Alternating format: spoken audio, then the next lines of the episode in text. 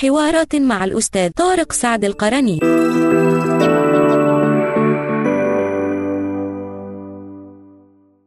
السلام عليكم. وصباح الخير على الجميع. الفكرة هنا أننا تحدثنا تقريبا في عشر ندوات سابقة عن الذات. ولعلنا نتحدث في ندوات أيضا متتالية. قد تصل إلى عشر قد تزيد قد تنقص عن البنى النفسية.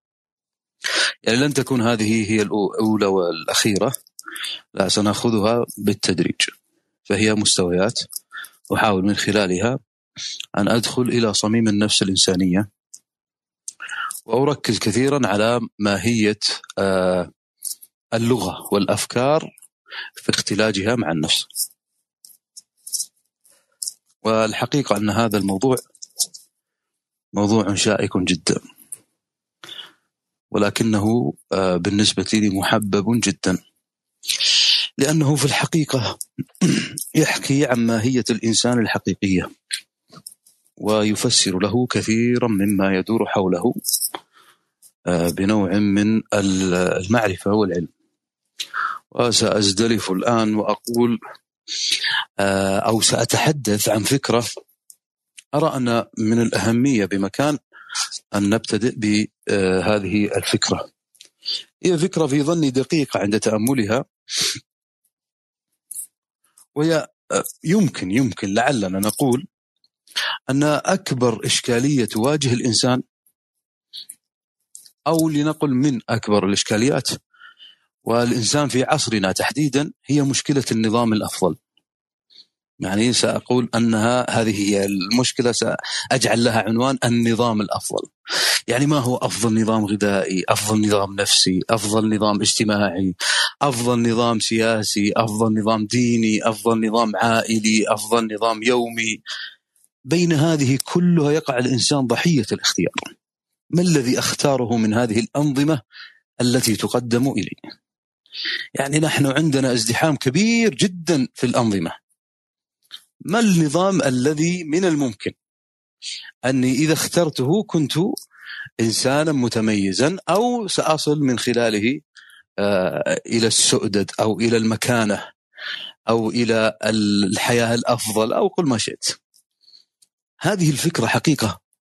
أنا أعتبرها يعني فكرة مهمة جدا فكرة النظام. ما هو النظام الذي من الممكن أن أسلكه ويكون بعد ذلك عونا لي على حياة أفضل.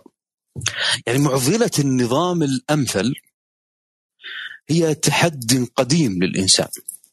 تحد قديم للإنسان في مواجهة نفسه ومواجهة الطبيعة أيضا. كلما تقدمت البشرية يوما تقدمت هذه المعضلة معها. لاحظ أنت كلما تعلمت كلما زادت هذه المعضلة معك. كلما زادت معارفك كلما زادت هذه المشكلة معك. كلما آه، أيضا آه، مثلا توسعت في مواقع التواصل ازدادت هذه المشكلة معك. وهكذا. تصبح هذه كأنها مضطردة مع الإنسان. ستتقدم سأتقدم معك. ستتأخر سأتأخر معك. وبين الحالتين تكون الاضطرابات. يعني ولهذا هذه الفكرة فكرة النظام الأمثل أصبحت بعد مئات السنوات بل آلاف السنوات هي ضرب من الغريزة. لا تنفك عن الإنسان. هي مثل الغريزة التي لا تنفك عن الإنسان. هذه يسميها ألان دوبوتون قريبا منها ليس مثلها. قلق السعي إلى المكانة. وأخذ جزءا من هذه الفكرة وسماها قلق السعي إلى المكانة. وأيضا من مدارس النفس الكبرى التي تهتم بهذه القضية هي آه، أيضا فلسفة آه، أرومبيك مدرسة أرومبيك المدرسة المعرفية. وكذلك تهتم بها التداولية اهتماما وثيقا. هذه الفكرة فكرة ما النظام الأمثل؟ أنا أرجو أن تتأملوها باستمرار. ما الذي يجعلني دائما أبحث في النظام الأمثل كما قلنا نظام غذائي نظام نفسي نظام اجتماعي سياسي و إلى آخره. لماذا أبحث دائما عن هذه الفكرة؟ أنا لا أبالغ إذا قلت أن هذه المعضلة النظام الأمثل هي الامتحان الوجودي الحقيقي للإنسان. يعني هذه المعضلة تبدأ فعليا إذا أخذناها زمنيا من لحظة ولادته. لاحظوا أن ثمة سردية سأذكره لكم وتأملوها. من لحظة الولادة تبدأ هذه المعضلة الوجودية. يعني أي الوجوه التي أراها سأختارها لتكون أمانا لي. هذا المولود كأنه يتحدث بهذا الحديث. يعني هذه أوجه أمامي الآن. ما هو ما هو الوجه الأمثل؟ يعني هنا سنقول أن كل إنسان يمثل نظام. كأن المولود يقول ما هو النظام الأمثل إن شئتم الذي سيحقق لي أمانا من اللحظة الأولى. أنه هنا سيكون الجميع محايد بالنسبة له. لكن من من الذي سيختار؟ أن نحن نتعلم من اختياره لأمه ويختار أمه. أن الإنسان سيبقى طوال عمره طيعا للأقرب والمعتاد. لاحظوا؟ لهذا هذا ما يفسر لك في كثير من الحالات أم إن لم يكن كل الحالات. دفاع الإنسان المستميت عما يمتلكه أو عن انتماءاته وطبع غريزي وطبع لا منطقي لا يمكن منطقة الانتماءات الجبرية. وهذه يمكن دمجها بسردية الطفل الذي يختار أمه يختار أمه من أجل أن تكون هي البنية الأولى للنظام الأمثل عنده. وبهذه الحالة يمكن أن نتأمل عند تأمل هذه الفكرة يمكن أن نخرج بهذه الفكرة. فكرة أن الإنسان سيبقى طوال عمره طيعا للأقرب والمعتاد. الإنسان سجين العادة. هو قد اختار أمه لأنه وجدها منذ البداية قربه ثم لازمته في كل شؤونه. لاحظ حتى في شؤونه التي يعني لا يمكن أن أن يقضيها له إلا أمه. فأصبحت ملاذا آمنا بعد ذلك. بل ومقياسه في كل شيء يريد أن يكون أمانا له. لاحظ عند التأمل ما الذي يجعلك تأمن فلان؟ أنا أرجو أن تتأملوا هذه الفكرة. نحن سنتحدث عنها فكرة الأمان هذه في حلقة أخرى. لأن قلت أن هذه البنية النفسية هي سلسلة ليست فقط هذه كسلسلة الذات التي لعلنا أخذنا منها عشر حلقات. ستكون سلسلة. سنأتي إلى بنية الأمان النفسي لكن هذه الفكرة تأملوها جيدا. فكرة المقياس. مقياس الأمان النفسي عند التدقيق ستجد أنه ينصرف إلى الأم في بنيته الأولى. يعني هنا يمكن تعريف وإن كانت يعني كلمة آه، تعريف هذه جرأة مني لكن لا بأس أن أتجرأ قليلا وأقول يمكن تعريف النظام بناء على ما سبق بأنه استراتيجية ذهنية يضعها الإنسان ليدفع عن نفسه الخوف. نقطة. أعيد. يمكن أن أعرف النظام بناء على ما سبق وقلناه بأنه استراتيجية ذهنية يضعها الإنسان ليدفع عن نفسه الخوف. كل الأنظمة التي بدأنا حياتنا بالتمثيل بها كما قلنا نظام غذائي نظام نفسي نظام اجتماعي إلى آخره كما قلنا في البداية. كل الأنظمة تشترك كلها في مهمة عظيمة وهي طرد الخوف من الإنسان. طرد الخوف من الإنسان. لماذا تضع نظام غذائي طردا للمرض؟ نظام نفسي طردا للاضطراب النفسي. نظام اجتماعي طردا للعزلة. آه، نظام عائلي وهكذا. كل هذه الأنظمة أنت تضعها طردا لكل ما يمكن أن يخيفك. ولذا يمكن أن نستل قاعدة هنا فنقول الإنسان كائن تواق إلى الأمان. ولعل هذه أيضا ما تفسر جنوح البعض أو الكثير إلى بعض الصفات التي قد لا تكون صالحة في الوعي الجمعي كالكذب مثلا وغيرها. ال هنا تأتينا مجموعة من التساؤلات أيضا وهذه التساؤلات مهمة جدا لفهم معضلة النظام. كما قلنا أن هذه المعضلة معضلة أزلية عند الإنسان. من هذه التساؤلات ماذا لو أن الإنسان بدو كان بدون نظام؟ هل يعني تخيل الإنسان هنا بدون أنظمة؟ هل كان سينفعل؟ وما الذي يجعلك تنفعل؟ وخرق هذا النظام الذي تؤمن به وأصبح غريزة عندك. هل كنت ستغضب؟ هل ستطالب بحقوق؟ هل ستتعلم؟ هل ستحب؟ هل ستكره؟ هل ستعرف؟ هل ستدرك؟ هل ستؤمن؟ هل ستبكي؟ ستحزن؟ ستفرح؟ هذه كلها يعني تخيل أن النظام غير موجود عند الإنسان. لاحظ تأمل هذا. كل انفعال نحن نسميها انفعال. هذه التي ذكرت لكم الآن سنسميها انفعال اصطلاح كل هذه الأنظمة الانفعالية كلها بلا استثناء وغيرها طبعا كل انفعال عند الإنسان هو خرق لنظام مضاد له. انت تغضب لماذا لأن خرق نظام تؤمن به. وهكذا قسها على بقية ما ما ترى. لعل أيضا لعلكم تقرؤون ما كتبه سارتر في نظرية في الانفعالات. هذا يعني مهم جدا وأيضا ما كتبه ارومبيك كما قلنا. الآن مثلا أنا سأعطيك الآن سنبدأ نزدلف قليلا في بعض السرديات علنا يعني نبتعد قليلا عن المصطلحات أو التنظير ونبدأ قليلا في فهم المسألة بطريقة أوسع. لاحظ أنت الآن تفكر موقف معين تفكر في أن صديقك لم يتصل بك. لم يتصل بك مثلا ويعزيك في فقيدك. يعني آه، طبعا آه، هنا هامش أسفل الصفحة. آه، يعني أسأل الله لكم ولجميع أحبابكم طولة العمر وأنتم بصحة وسعادة. لكنه فلان فلان مثلا كان عنده فقيد.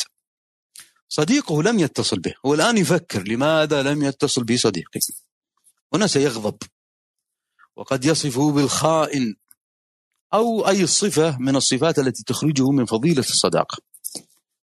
الآن لاحظ أن هذه الفكرة فكرة لماذا لم يتصل علي؟ فكرة أنه خان صداقة فكرة أنه لم يقف معي أنه وأنه هذه التفاكير هذه الأفكار لاحظ ما الذي ستؤدي؟ ستؤدي إلى وصف الآخر. وصف الآخر أي جعل الآخر وفق جعل الآخر عبارة عن مطبق لمفهوم آه، معين. مفهوم الخيانة مثلا. لنفترض سأعتبر الخيانة مفهوما الآن في هذه آه، السردية. لكن لكنك مثلا تكتشف هذا الشخص مثلا الذي قال وقال عن صديقه يكتشف أن صديقه قد اتصل به مرتين. لكنه ما رد عليه لأنه مثلا كان مشغولا كان بعيدا عن الهاتف. آه، مثلا كان في موق... كان في مكان ليس فيه إرسال مثلا ثم آه، مثلا آه، عاد إلى مكانه تعرفون على الأقل النظام عندنا في السعودية ما أعرف عن الأنظمة الأخرى تأتيك رسالة سميها موجود. هذه الفكرة الآن المهم إنه هو اتصل عليك مرتين. هنا ستأتي أيضا فكرة أخرى. لماذا طيب لم يزرني؟ اكتشفت أيضا إنه كان مثلا مسافرا. وطبيعي جدا ما يستطيع يزورك. ما الذي سيحصل لك؟ ستهدأ ستبرد. لاحظ الآن بداية الانفعال ما الذي حدث فيه؟ بداية الانفعال أنه هدأ. لماذا؟ المعلومة المعلومة نفسها اختلفت. يعني ما الذي ما الذي يعني صعد بانفعالك وما الذي هبط به؟ المعلومة المعرفة يعني. المفهوم المدخل سميها ما شئت. بل لاحظ أنك ستتجاوز ذلك إلى مرحلة أخرى وهي أنك تبدأ تلوم نفسك. تلوم نفسك على هذا الانفعال. بل ابعد من ذلك أنك ستبحث عن طريقه لائقه للرد على صديقك. يعني بدلا من أن تكون أنت الذي تريد أن يرد عليك صديقك لا الآن تحولت تماما. لا ما الذي جعل هذه التحولات آه تتكون؟ ما الذي جعل كل هذا يحدث أصلا؟ هي المعلومة نفسها المعرفة نفسها المدخل نفسه. هنا ستأتي اللغة لتكون هي السائدة أو هي السيدة في هذا الموقف. النظام اللغوي هنا يجب أن يبنى بناء صحيحا حتى يكون مدخلا صحيحا إلى الحالة النفسية. ولهذا يأتي سؤال قد يتبادر ذهن أي أحد. لماذا حدث هذا؟ قلنا لأن أقمنا بهذه الحالة الحدث على معرفة مغلوطة. المعرفة المغلوطة هذه سيبنى عليها أيضا نية. لاحظوا النية هذه. لا أبالغ إذا قلت أنها أساس في الفلسفة وفي الدين. أساس. فالنية النية مطلوبة لأنها أساس. كما قلنا هنا نحن نتحدث عن البنية. فهي أساس في البنية. مهمة جدا هذه الفكرة. فلاحظوا أنك أنت بنيت هذا كله على نظام كبناء يعني معرفي على هذا الظن السيء أو على هذه الفكرة السيئة. هذا يعني بالضرورة أن أن تبني نظاما محكما من المعارف حتى لا تخطئ. فلا تجد يعني من لا يغفر لخطئك بعد ذلك. أن الآن مثلا غفر لك خطأك. لكن في المرات القادمة قد لا يغفر لك ذنبك أو خطأك. فمعنى ذلك أنك ستتجه إلى نفس الفكرة. ما هو النظام الأمثل اللغوي الإدراكي الذي يجب أن أتبناه للتعامل أو للتواصل مع الآخر. فأنت هنا عدت إلى نفس الإشكال وهي مشكلة النظام الأفضل. وهذه فكرة أيضا مطروحة في التداولية الإدراكية. من الخطأ أن تمنطق مشاعرك. وأيضا أن تغالي في التدقيق على معارفك. هذه أيضا من الأخطاء التي ستكون في الواجهة. يعني أنت الآن أمام أمام واجه هذه الجهة أخطأت فيها كما قلنا في سردية صديقك. في في الضفة المقابلة أيضا من الخطأ أن تمنطق مشاعرك. بمعنى أن تجعلها مقيدة تمام التقييد. وأن لا تجعلها أيضا يعني قادرة على السفر باستمرار. وأيضا أن تغالي في التدقيق على المعارف المدخلة إليك. هذا من الخطأ أيضا. يعني رغم جهدك الذي سيكون كبيرا لإطلاق ما بداخلك من أفكار من مشاعر لنفسك ولمن تأمنهم فإنك لا بد وأن تتهرب عن بعضها. هذه نقطة يجب أيضا تأملها جيدا. لاحظ في كثير من الأحيان قد نصل إلى فكرة أنني أريد أن أفضفض كما نقول. نريد أن أتحدث عما بداخلي. يا فلان أنا ودي أكلمك أبطلع اللي بخاطري. نقول هذه كثيرا يعني تقال بلهجات مختلفة بطبيعة الحال لكن المهم أن هذه واردة. هنا تأتي فكرة أن ثمة أفكار واضح تماما وأنت تتحدث أنك تتهرب من شيء لا تريد قوله أو لا تريد حتى التفكير فيه. يعني من الواضح أنك تتجاوز ما لا يمكن تجاوزه. هذه عند التدقيق في كلام من أمامك ستجد أنه يحاول باستمرار أن يخرج مما هو فيه. يحاول باستمرار أن أن يتهرب من منطقة هي كان المفروض أن يمر بها ومع ذلك يتهرب منها. هو نفسه سيتلعثم عندما يركز فيها أصلا هو من شدة تركيزه على أن لا يقول هذه النقطة أو لا يقول أو لا يتحدث عنها ستجده يتعثر بها. معنى ذلك أن هذه الفكرة تعتبر بنية. هذه التي تتهرب منها هذا البعض يعني أنت الآن لابد أن تتهرب من هذا البعض بعض هذه الأفكار والمشاعر. بعضها هذا هو النظام المغلق الذي يجب فتحه وكشف أسراره للوصول إلى البنية النفسية الأولى وهي الأنا. وهذه لكن لا يستطيع أحد عليها. بالمناسبة هذه من الأمور التي يصعب جدا الوصول إليها. لاحظوا أن من الطرائف أن نيتش وهو نيتش عندما ذهب إلى الطبيب النفسي ما استطاع أن يلج إلى هذه النقطة وهذا ما أعجز فرويد ولاكان ويونغ وغيرهم حتى فرانكل وغيرهم من أن يصلوا إليها. هذه نقطة يعني يمكن أن نقول أنها خاصة بالله. من ش... لا يعني من شدة هروب الإنسان منها نصل إلى هذه المقولة. لكن عند عند الحديث عنها فنحن فعليا دخلنا إلى منطقة الأنا أنا لا أبالغ إن قلت أن آه، يونغ في الكتاب الأحمر استطاع أن يرشدنا إلى شيء من ذلك ولكن برمزيات مغلقة جدا. لعلنا نأتيها قابل الأيام يمكن لا أعيدكم بذلك لكن يمكن أن نأتيها. الآن لاحظ معي أيضا بعض التساؤلات أو التساؤلات الكبرى المهمة. هل سبق مثلا هذا تساؤل سأطرحه وتأمله جيدا. هل سبق أن كنت حسنا لأحدهم؟ إنسان حسن. إنسان كويس يعني. يعني أعطيته مثلا مجالا للبوح بما في خاطره. وأرجو أن تتأمل هذه السردية التي ستأتي. أنها أيضا آه، يعني ستفتح لنا بابا كبيرا في التأمل. أنت الآن إنسان حسن عند الآخر إنسان ممدوح عند الآخر. أعطيت الآخر أيضا مجالا للبوح بما في خاطره. ثم تفاجأت بأنه يسبك ينتقدك يتهمك بما ليس فيك. الأعجب من ذلك أنه يعود فيعتذر عما بدر منه. لاحظ هذه الفكرة؟ لابد أن ننيخ المطايا عندها قليلا. الآن فلان يعني أنا كنت إنسان جدا ممتاز معه. بل لا أبالغ إن قلت أنني أفضل البشر الآن في إعطاء هذه الفرصة. وكنت لا أبالغ أيضا أنني كنت خادما له من أجل أن يخرج ما بداخله.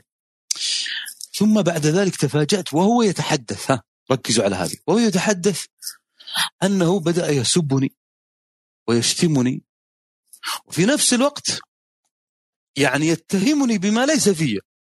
أنت كذا وكذا. هنا سأصدم. ثم أعجب من ذلك أنه مثلا يختفي. لنقل يوم يومين سنة سنوات أيا كان. ثم يعود معتذرا. هذه المقولة ماذا لو عاد هذه هي. طيب هنا لا بد من الإيقاف الوقوف عندها. أنا سأقف هنا وأحللها إدراكيا فتمعنوا ما سأقول. ثم بعد ذلك تأملوه تأملا جيدا. سبب هذا الأمر متعدد. لكني أميل إلى فكرة محددة وهو أن هذا المقابل لك سأقول أن المقابل لك طارق. لا بأس أضعها فيني في لكن لا تلعنوني. سأقول أن هذا طارق كان يصارع فكرتين بداخله. تأملوا. كان يصارع فكرتين بداخله. لماذا كان؟ مع أنك أنت إنسان كويس جدا عنده. في نفس الوقت إنسان ما في مثلك وأعطيته فرصة. مع هذا؟ صار اليسار السبب في هذا كما قلت أنه يصارع هذا الإنسان فكرتين بداخله. طيب. فكرة ولدت بداخله شعور العداء. هذه الأولى. الآن فكرة ولدت شعور العداء.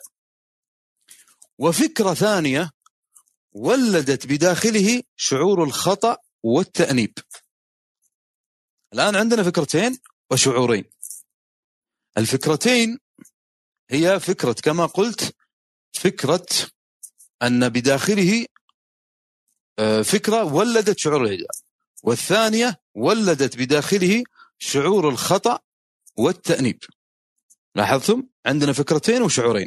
الآن بدأ هو بإخراج ما بداخله كبنية الآن. بدأ يخرج يخرج المكبوتات مثل ما يقال. إخراج المكبوت حتما سيكون هناك حرب بداخله هي حرب نفسية الآن. حرب داخلية. هذا الأمر سيؤدي إلى ارتباك النظام اللغوي المتصل مباشرة بأعمال الدماغ لعلنا ذكرناها مرارا. عودوا إلى دروس الذات.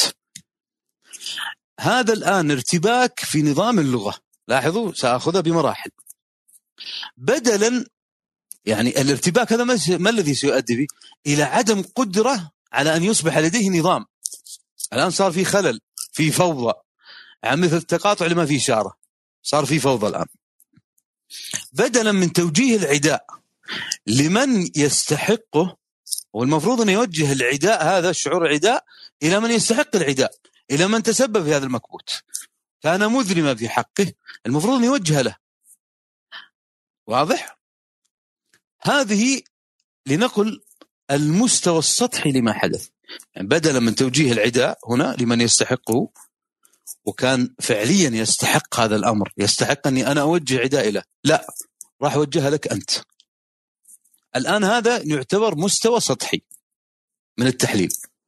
ما المستوى هذا المستوى أو البنية السطحية؟ طيب ما المستوى أو البنية العميقة؟ هنا سننتقل لبنية عميقة. لاحظوا في التحليل أنا سأعتمد منهج جريماس منهج كثير أو بنية سطحية وبنية عميقة. هذه المستوى السطحي. أن نظام اللغة عنده يعني مثل اللي يقول مثلا بدل ما نادي فلان ناديت فلان. أوه حسبك فلان. نفس الفكرة. بدل ما أصرف هذا الشعور لفلان صرفته لك. صار في لخبطة في النظام داخلي. طيب هذا المستوى السطحي. معلش أنا أتكلم بهذه الطريقة لأني أشرح الآن.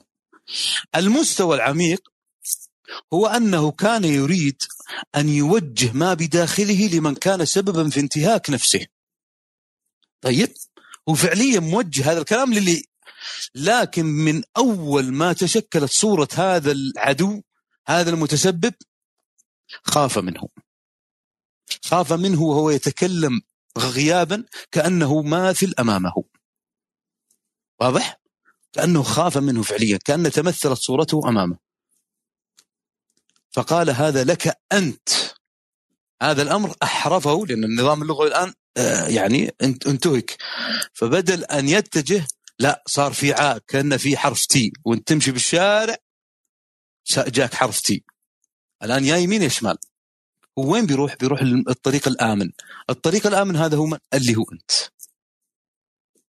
فهنا قال هذا لك لأنه يشعر بالأمان معك وكان لزاما عليه الآن في هذه اللحظة أن يخرج ما بداخله من مكبوت حتى يخفف ما يعاني منه يعني كأنه يقول ما دمت بدأت هذه الرحلة من البوح لن أتوقف عنها حتى أخرجها كاملة بغض النظر من الذي خرجت عليه. هي الآن أنا الحين بديت حرب.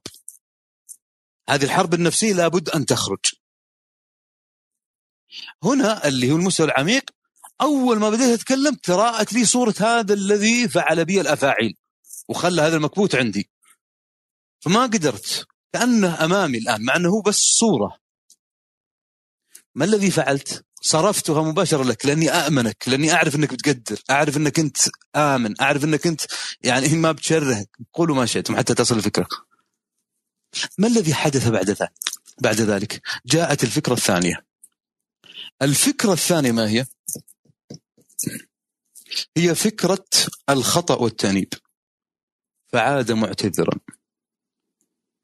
يعني إن الآن يوم يوم خلاص طلعت اللي فيني كله ارتحت. فعاد النظام اللغوي إلى ما كان عليه سابقا ما الذي فعلت عدت معتذرا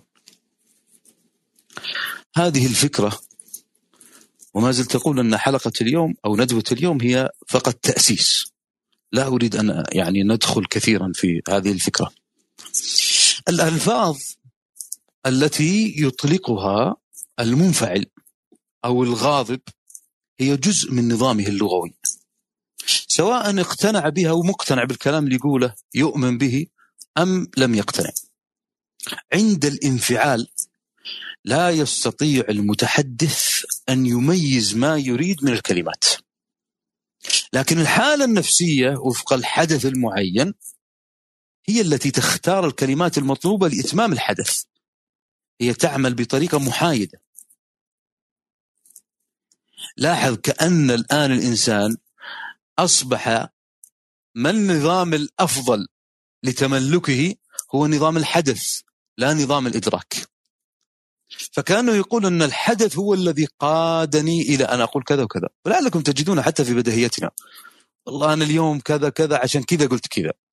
كأنه يقول أن النظام الأمثل الذي جعلني كذا وكذا هو الحدث نفسه ولست أنا.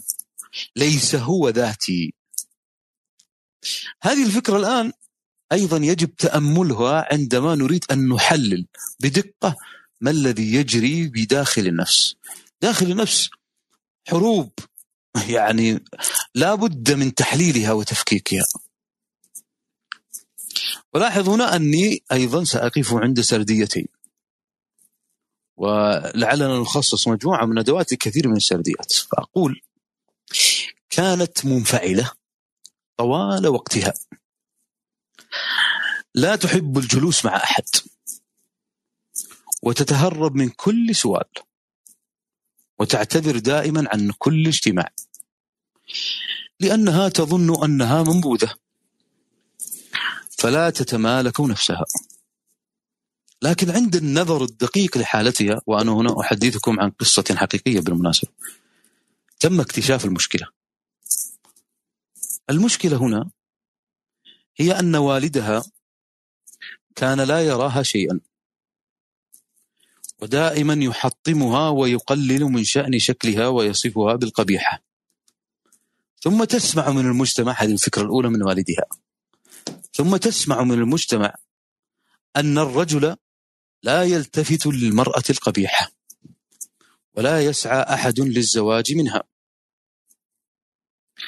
كبرت وكبرت هذه العقدة معها.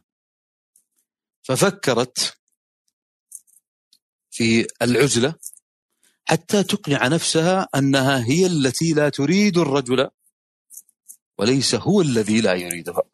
عودوا إلى المكانة فكرة المكانة التي قلناها. فلا يراها أحد هي لأنها معتزلة أو منعزلة. فلا يراها أحد كي لا ينتشر خبر أنها قبيحة فعلا. فاجتمع بداخلها الآن فكرتان.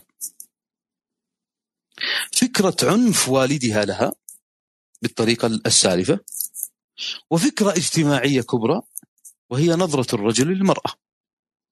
لكن عند تفكيك المعضلة وهذه يطول يعني الحديث عنها ولعلي هنا أختصر اقتنعت أنها كونت نظاما لغويا إدراكيا خاطئا تسبب في هذه المشكلة. ثم خرجت للناس فكانت أجملهن بلا منافس. وأصبحت مشكلتها من تختار من الرجال المتقدمين إليها طلبا لرضاها كي تتزوجه. لاحظ كيف تغيرت المعادلة تماما عندما تغير النظام اللغوي الإدراكي. سردية ثانية أيضا لعلكم تتأملونها. نشأ وهو يظن نفسه رجل البيت. من شدة ما يقال له وكثرة ما يقال له لقد أصبحت رجلا وأنت الآن سيد البيت. عمره عشر سنوات. كان والده يقوله يقولها له باستمرار. كبر وهو مقتنع أنه خادم لكل الناس لأنه والدهم وليس من حقه أن يستريح وفيهم أحد لم يحصل على حقه أو رغبته. وبات ينظر لكل من آه، يعني من الناس أو لكل من في عمره تحديدا أنهم أطفال تافهون. وهذا تحديدا بعدما تجاوز مرحلة الجامعة. لماذا؟ لاحظوا الأسباب. لأنهم يسبحون يلعبون الكرة يلعبون ألعاب إلكترونية وبعد أن وصل الأربعين يعني هنا طاف عمره كثيرا اكتشف أنه أكبر من عمره. وأن نظامه اللغوي الإدراكي كان يوحي له بأفكار خاطئة عن نفسه حتى أهملها تماما. وكل ذلك لتضارب المعارف بداخله. بات راغبا في تعويض ما فاته في شبابه وطفولته. فتحول إلى تافه مستفز للمجتمع في كل ثوابته وقوانينه الاجتماعية. فلا هو بالذي عاش طفولته كما هي ولا هو بالذي أصبح قدوة بعد الأربعين. وكل ذلك لأنه لم يكن يملك نظاما إدراكيا حصيفا. لكنه بعد مجموعة من المعارك استطاع أن يضبط نظامه ويتوازن. ويعود كما هو. لاحظوا هذه الفكرة. هي التي ستذكرنا أيضا بما كان يقوله كارل يونغ أيضا وهي فكرة مهمة جدا أسسها وأطال النظر فيها. وهي أن آه، الوظائف الأربع الأساسية وهي ال- ال- الموجودة في التكوين الفكري عند الإنسان وهي التفكير والحدس والشعور والإحساس. يعني وظيفة التفكير والشعور هي وظائف عقلية كما يقول يونغ. وظيفة الإحساس والحدس هي وظائف لا عقلية كما يقول يونغ. ادمجوها بما سبق حتى لعلها أيضا تساعدكم في تأمل ما قلناه وثمة أيضا قاعدة كبرى نفسية معرفية وهي مفيدة جدا. وهي قاعدة لأرون بيك. هي عندما ولعلها لعل أيضا هي نافعة للتطبيق بالمناسبة. هي عندما ينتابك شعور أو إحساس سيء لاحظ. عندما ينتابك شعور أو إحساس سيء حاول أن تستدعي الأفكار التي كانت لديك قبل هذا الشعور. يعني الآن عندي أنا شعور أو إحساس سيء. ما الذي أفعله؟ أرون بيك يرشدك إلى قاعدة. قال ارجع للأفكار التي قبل هذا الشعور. رجعها اعرفها. يعني تمثلها حتى لو تكتبها. هذه القاعدة ستساعدك مع الوقت على معرفة جوالب هذا الإحساس. ما الذي جلب هذا الإحساس؟ هذا الإحساس السيء أو الشعور البغيض. غالبا ستكون مواقف وأفكار وكلمات مألوفة وأنت تعودت عليها. لكنك لم تتوقف عندها مليا كي تحولها من كلمات تجلب لك أفكار وشعور سيء إلى أخرى لا قيمة لها بل قد تكون مضحكة. أعطيكم مثال. مثل ما يعني يتذكر البعض الآن مواقف صعبة أيام الطفولة. يعني يقول مثلا على سبيل المثال فلان مثلا أني كنت يعني في ذاك اليوم مثلا في المدرسة. يوم مثلا كشفني الوكيل وذهب إلى المكتب وكان سيفصلني من المدرسة. في لحظة الفعل أنت قد يكون يعني وضعك أشبه بما قبل الموت. يمكن تشعر بالموت في لحظتها لكن وأنت تقصها الآن تقصها حتى تضحك أنت وزملائك منها. ما الذي جعلها حول هذا التحويل؟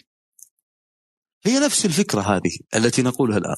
تصبح مألوفة في النظام الإدراكي. حتى تتحول إلى مضحكة وليست محزنة.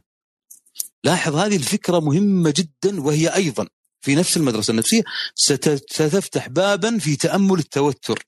ما الذي يجعلني أتوتر؟ موقف لاحظ ضع موقف أول مثلا أه وفاة فلان حصلت قبل خمس سنوات.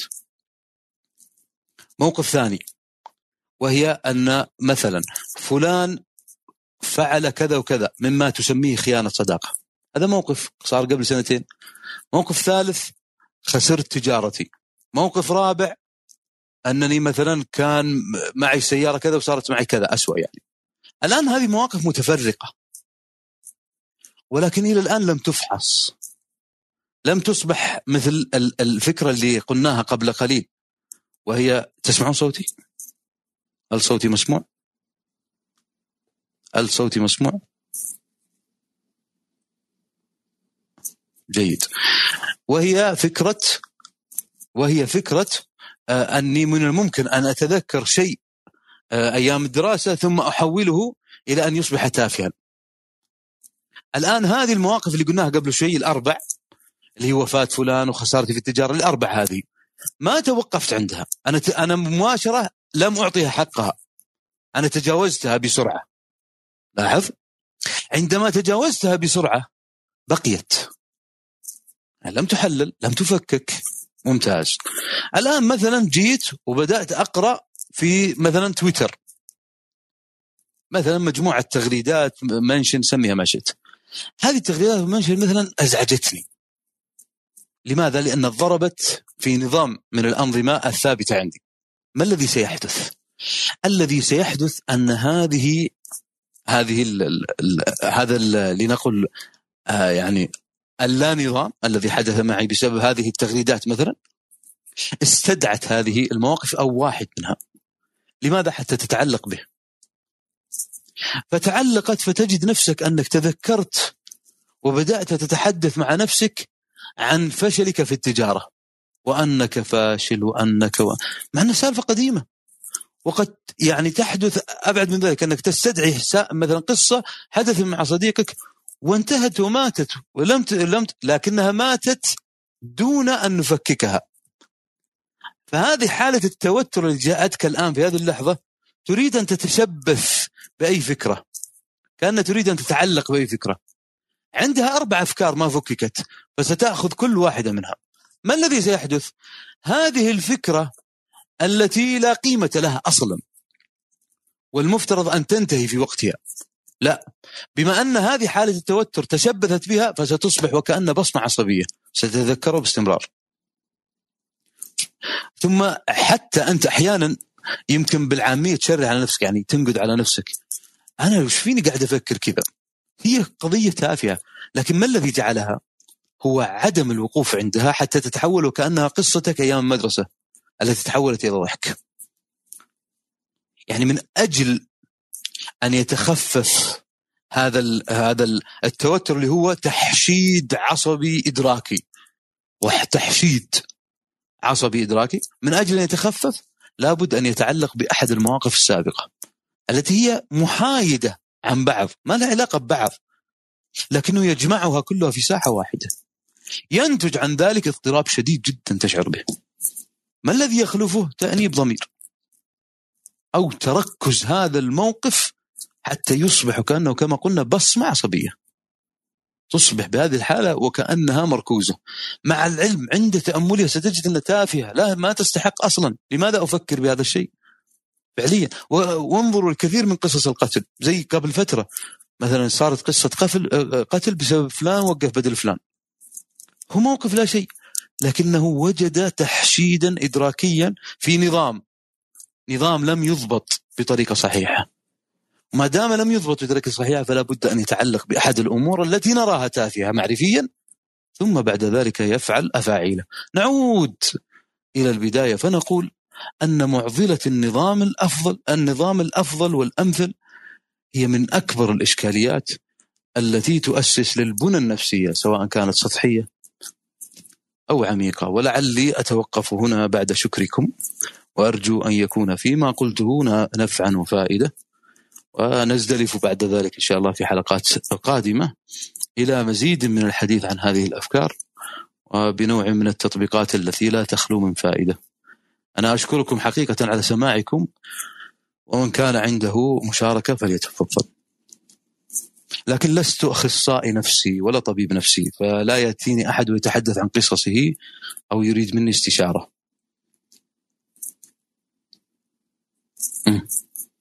هل من متحدث؟ أهلا يا أبو مريم.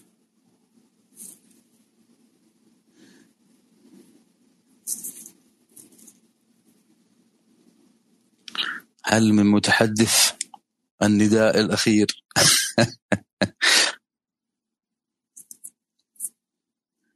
مم. بالمناسبة هل هذه المواضيع ترون أنها أنها لا تستحق أن نتوقف عندها؟ أنها سيئة؟ سيئة؟ يعني آه، يعني أنها أنها مثلا آه، يعني المفروض ما نفتح هذه المساحات بهذا الشكل؟ ما أعرف. طيب أهلا يا الله مريم. بالخير يا أبو سعد. يا مرحبا صباح. الخير عليك صباح الخير عليك. هلا مرحبا. الله يبارك فيك يا سعد الله يبارك فيك وفي علمك. بالمناسبة إنها من أجمل المواضيع اللي فعليا تخلينا نحس بإدراك نعرف أنفسنا من الداخل. والله ألف شكر لك يا ابو سعد شكرا يا أرجو ذلك. ما أعرف لأنه لأنه آه، ثمة بعض التعليقات التي تأذيني في الخاص. يعني ليتك ما فتحت شيء في النفس. يعني ولا كذا بعض الأحاديث يعني. فما أعرف إذا كانت هذه الأحاديث لا تروق لكم. أنا ما راح أقول اللي ما يبي له يجي. لا لاني اعتبر والله المساحة لكم كلكم. ولكن إذا كان كذا ممكن نصرف المواضيع كثيرة يعني في العلوم الإنسانية. ولا بأس يعني آه، ان نتحدث في غيرها.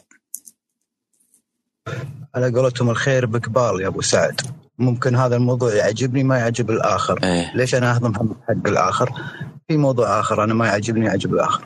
شكرا لك يا أبو سعد. ولك يا حبيبي. يا عزيزي. أخوي عدنان أهلا وسهلا يا عزيزي. تفضل يا عدنان. السلام عليكم. لا مشكور يا أبو سعد الله يجزاك خير. هذا الموضوع غير لو نطبقه على عيالنا يعني هم نستفيد. لا والله يكثر منه الله يجزاك خير. وياك يا حبيبي وياك.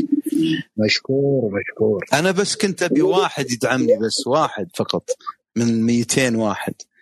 هذا أنا ما. أصدق ألقى واحد بس يقول كلمة. عشان أبتل. أي ستكون مجموعة حلقات قد تصل إلى عشر يعني في البنى النفسية. وأنا كذا كذا أصلا بفتح يعني. حتى لو قلت لا وما يناسبنا بس تعرف لازم ديمقراطية وكذا شكلية فقط يعني ولا ماني بحولها ابد نعم. الله يعطيك العافية مشكور. يا مرحبا يا مرحبا حبيبي. يعني ينقال لي إني أنا جالس أجذبكم بالكلام يعني يشوفوني أنا أستمع للآراء وكذا. شفت اللي بعد ما تخلص السلسلة كاملة أقول آه توني شوفها هذا أنا. خلها خلها خلها عمية كذي. هذا هذا اللي يقول ما شافوهم هم يسرقون شافوهم هم يتحاسبون. أي هذه. تسلم يا شكرا يا حبيبي عندك سؤال؟ ولا خلصت؟ لا لا خلصت. الله يعطيكم العافية. بس آه، عزيز. آه، استفسار الأستاذ طاغي يقول ها أكمل ولا لا والله كمل لا والله غير. بارك تسلم الله فيك. شكرا يا حبيبنا. شكرا. يا هلا يا أبو سعد. أختي أحلامكم؟ أهلا وسهلا فيك. تفضلي. صباح الخير يا شيء آخر وأستاذ طارق. بصراحة أنا يعني آه، أبي أقول للأستاذ طارق أن تفضل وكمل يعني لأن أنا مستفيدة منك. أنا ما تخصصي علم نفس ولا فلسفة ولا شيء لكن أنا من قبل يعني آه، آه، تقريبا من نهاية العشرين ابتدأت أحس يعني ابتدأت أحس بأشياء كثيرة مو عارفتها. آه، أنت يا أستاذ طارق أعطيتني كلمات ومسميات لهذه الأشياء اللي أنا حسيتها. يعني الحين أنت أعطيتني ثقافة لغوية أعطيتني كلمة للأشياء أنا بديت أترجم إحساسي. يعني أنت تعتبر بندواتك هذه الكلمة الأولى عندي. أنا بدأت أتعلم معاك بصراحة عن آه، الفلسفة والبنى النفسية. بصراحة السؤال اللي أنا يعني جاني من كلامك أنا أنا بصراحة وقفت عند شلون أفكك الموقف يعني في مشكلة أو في مثلا آه، شعور يعني أنت أعطيتني كذا أفكك ووقفت يعني ما استرسلت في موضوع. اولا أنا أشكرك على حسن ظنك وكلامك اللطيف وأرجو أن أكون نافعا لك وللجميع. الأمر الثاني لا تستعجلي. هي سلسلة سلسلة طويلة. أنا كما فتحت تقريبا لا أعرف هل هي تقريبا عشر حلقات. السابقه عن الذات. وإن كان مجموع الحلقات تجاوز عندما أحصيتها اليوم أكثر من آه، 40 حلقة عن الذات. فكذلك في البنى النفسية وعلاقتها أيضا باللغة والأنظمة ستكون أيضا مضطردة. وسأحاول أن أحلل كثيرا من السرديات. بعد ذلك آه، ستتضح لك أكثر. مم. نعم. يعني خلاص أوقف وأنتظر. لا لا تأملي لا تنتظري. هو مو باص أيوه أوكي. ذاكري باستمرار. آه، okay. نعم. تأملوا باستمرار. أنا الظاهر قاعد أقول تأملوا تأملوا. يعني زي يقول لا تتأملوا. لا تأملوا. تفكروا. يعني أنا دائما. أتأمل بس يعني ما مو أتأمل بالطريقة يعني ما أدري يمكن عشاني أنا مبتدئة ما عندي لا بأس الأدوات لا تستعجلي لا تستعجلي. يعني. بعضهم يريد أن يحضر مساحة واليوم الثاني أنا فرويد. لا لا. تنت... لا ت... لا ت... تستعجلوا. هي مجموعة حلقات. يعني لا أعرف كم ستكون لكنها ستكون طويلة. طيب شكرا لك. ولك الشكر. أهلا بك وسهلا. شكرا لك أستاذ احلامكم شكرا لك يا أبو سعد. يا مرحبا. طيب أستاذ ترف تفضلي. جايك رويده وعلي وشباب بالمناسبة أنا أنا سئلت أيضا عن عن عن مصادر ومراجع. لعلك تذكرني يا أبو مريم. في الأخير أنا في فترة كنت أنا لا يعني في ندواتي بشكل عام آه، يعني أتحدث دائما عن مصادر ومراجع. ولكني أتحدث عنها بدون تركيز يعني هكذا يعني. قد أكون لأني معتاد على أن أذكرها في في مكانها أو في مضانها. لكن لا بأس أن نخصص لها جزءا في آخر كل حلقة فنقول بعض المراجع بعض المصادر لمن أراد أن يستزيد. لا بأس. ولكن ذكروني أنا والله أنسى ترى أحيانا. بس إن شاء الله إن شاء الله يا أبو سعد. شكرا لك. تفضل يا ترى.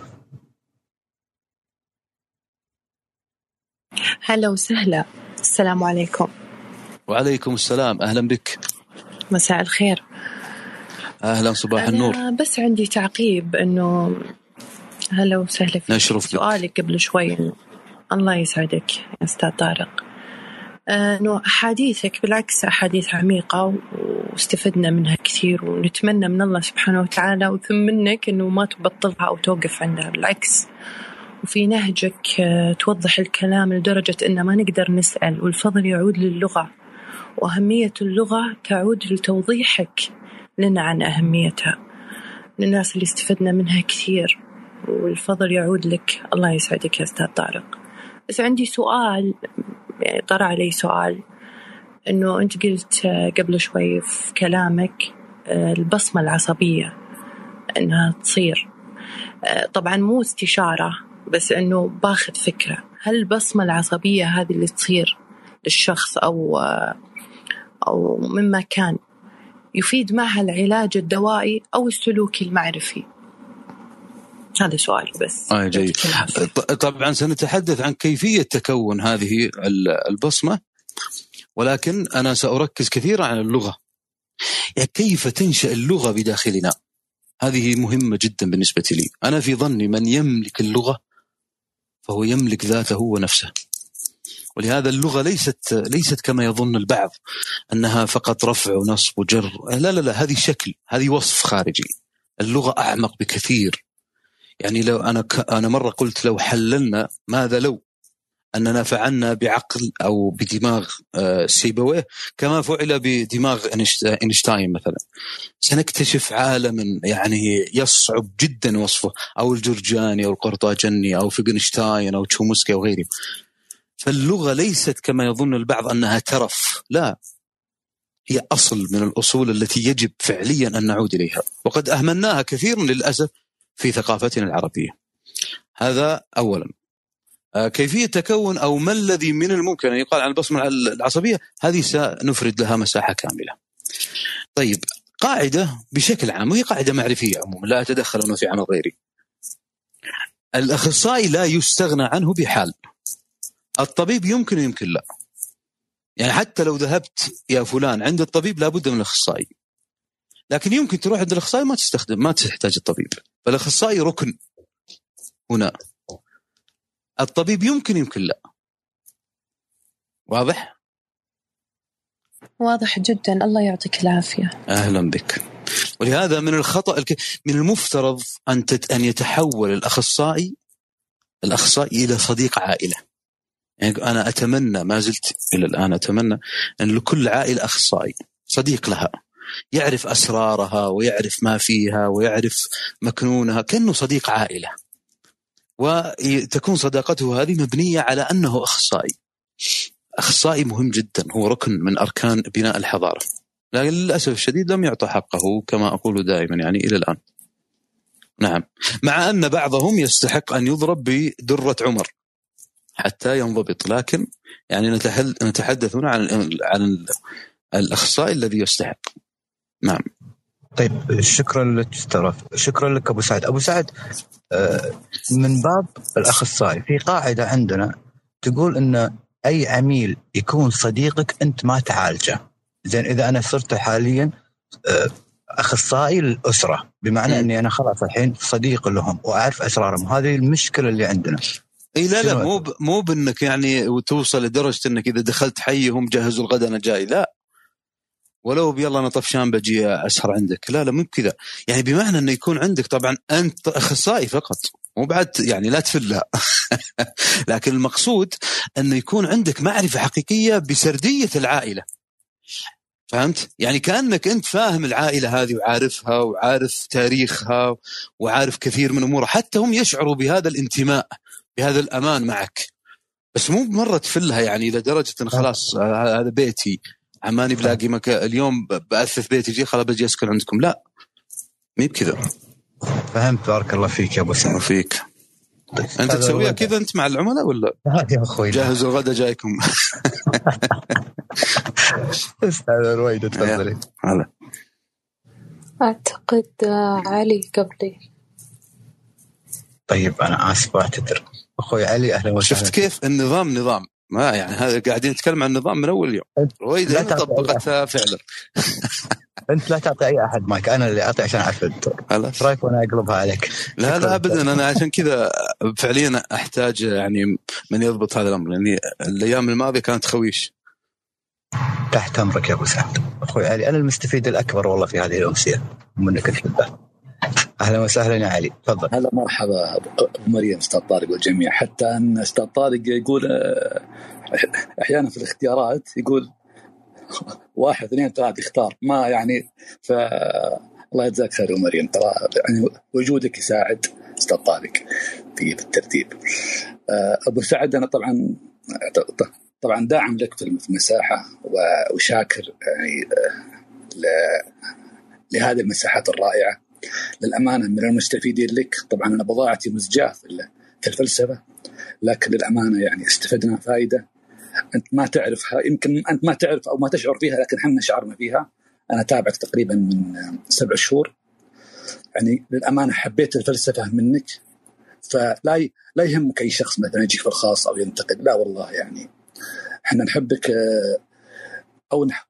نحبك ونحترمك لأخلاقك. لأخلاقك وأيضا.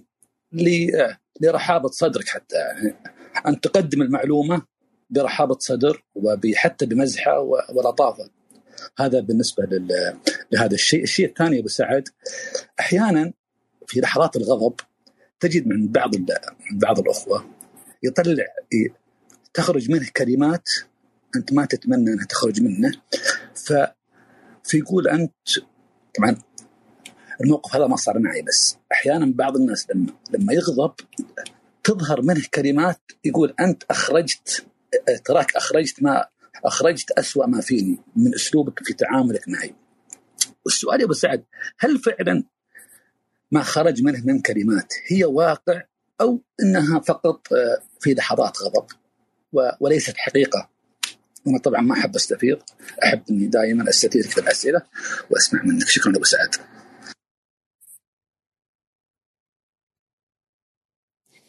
يا مرحبا يا حبيبنا حياك الله. والحقيقة أني عندما ذكرت اللي يأتوني الخاص هم يأتون محبين بالمناسبة يعني حتى لا أظلمهم لكن يقترحون أن تكون المواضيع يعني مختلفة. فأنا فقط من باب المشورة يعني قلتها لكم. أما فيما قلت آه، فال- لاحظ يعني أنا سأحاول أن آتي بها أيضا بطريقة بسيطة. الآن النظام اللغوي يرتكز على أساسات. من أكبر الأساسات إن لم تكن هي البنية الأولى مس- مسألة الاختيار والتركيب. ولعلي شرحتها كثيرا. يعني بمعنى أنا عندي مخزون في اللحظة هذه في الموقف هذا أختار من الكلمات من المخزون هذا أختار منه كلمات معينة. ثم أركب من هذا الاختيار أنا اخترت الآن خمس كلمات من ضمن خمس آلاف كلمة. ثم أركبها فيما يسمى جملة مفيدة. طيب؟ فأقولها فتصبح جملة مفيدة أو أنها قيلت في مقامها الصحيح. هذا في الحالة الطبيعية. في الحالة الانفعالية أنا أختار من المخزون أيضا لكني لا أركب. يعني هنا أنا الآن أخ... يعني حققت الاختيار لكن لم أحقق التركيب. فأصبحت بهذه الحالة مختارا من المخزون لا مركبا للمختار. طبعت يعني أصبحت مثل المجنون. المجنون يختار من مخزونه ولا يأتي بها من الخارج. لابد أن تكون مخ- مخزنه عنده لكنه لا يركبها. بهذا هذا الفرق الآن ولهذا كلمة جملة مفيدة التي نقرأها من قديم منذ طفولتنا في النحو هي ليست عبثا. ولعل أيضا من أبرز الفلاسفة الذين توقفوا عند هذه الفكرة هو جاك دريدا عندما انتقد أستاذه في استراتيجيات تفكيك الميتافيزيقا عندما است يعني انتقد أستاذه ميشيل فوكو. يعني نستطيع أن نقول تاريخ الجنون نستطيع أن أن نقول تاريخ الصمت لأن المجنون يخرج صوتا لكنه غير مفيد. فكأنه هنا يخالف الوعي الجمعي الذي بني على تراكيب لغوية محددة. المجنون يقول لكنه يقول ما لا نريد أن نسمعه أو ما لا نحب أن نسمعه أو ما لا يتفق مع اللغة التي تكون الوعي الجمعي. كذلك المنفعل يقول ما لا يتفق مع الوعي الجمعي. لماذا؟ لأنه يختار لكنه لا يركب هذا اختصارا لعله يكون مفيد. ألف شكر يا أبو سعد. شكرا لك. شكرا. أهلا بك. شكرا لك أستاذ علي. شكرا لك يا أبو سعد. أستاذ رويدة أهلا وسهلا. تفضلي أهلا وسهلا صباح الخير وكل عام وأنتم بخير ولو إنها جت متأخر.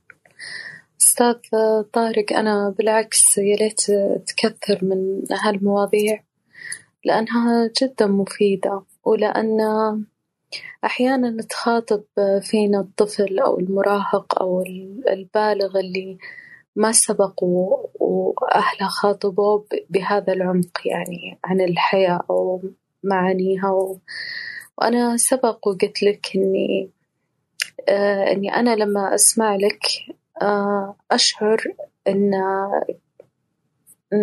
شلون أقولها؟ تعرف العلاج بالمعنى؟ يستخدم بالطب النفسي. آه فأنا أشعر آه إني أتعالج في كثير من الأشياء اللي أسمعها لك.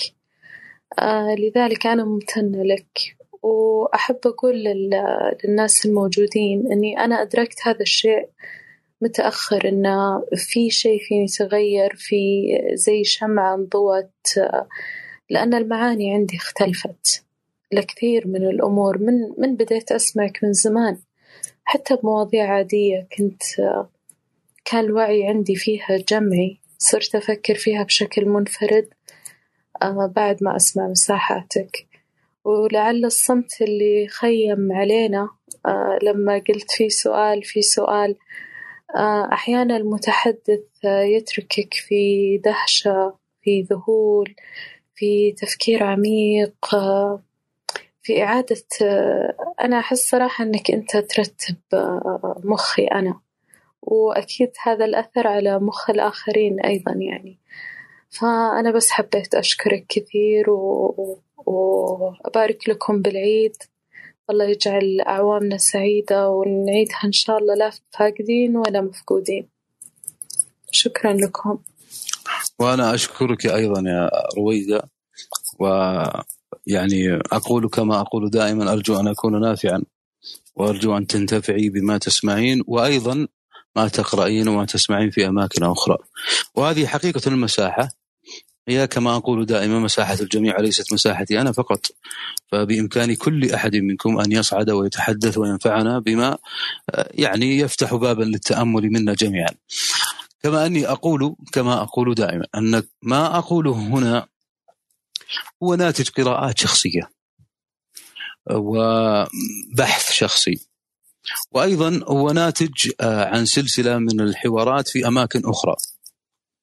فآتي هنا فقط لأقولها ولنتأملها جميعا. لعلنا نخرج أيضا بفائدة ولعلنا أيضا نعبئ هذا الفراغ الزمني بما هو نافع. فأرجو أن تكون محاضراتنا وندواتنا بهذا الشكل. شكرا لك يا رويدة. أشكر لك أيضا كلامك اللطيف وحسن ظنك. شكرا لك أبو سعد. شكرا لك يا رويدة. أبو سعد قبل ما أخذ بعد إذنك أختي أشواق وأخت وتر وأخوي طارق. سعد بس خلينا ناخذ سؤالين من الخاص حقهم وبعد أرد ثاني مرة حق المشاركين أول سؤال من أخوك أحمد المطلق. سؤال من أحمد المطلق. هل للأستاذ طارق رأي في مدرستي العلاج النفسي الطبي والعلاج المعرفي السلوكي؟ وهل أقام الأستاذ طارق محاضرة عن الحركات الإسلامية؟ آه نعم لي رأي في هذا وهو مطول وقد قلته في عشر حلقات. ما أعرف هي مسجلة لكن ما أعرف أين هي بصراحة. وهي سجلت مع مجموعة من النفسانيين يعني أخصائيين نفسيين هم الذين استضافوني فما أعرف أين هي بصراحة. لكن لي رأي معرفي في هذا الأمر. آه الأمر الثاني هل تحدثت عن الفرق الإسلامية؟ هكذا نعم. يقصد فلاسفة المسلمين؟ نعم. لا لم أتحدث يعني في مساحات تويتر لا. لكن في المجموعات التي في التليجرام أو سابقا في كلوب هاوس نعم. طيب شكرا لك بارك الله فيك. أهلا طيب بك. السؤال الآخر. من أخونا قشام يقول ليش الناس يخافون اكتشاف ذواتهم؟ مجرد ما تتكلم عن هالمواضيع يخافون. قريب. آه، قريب ردات فعلهم وما سبب هذا؟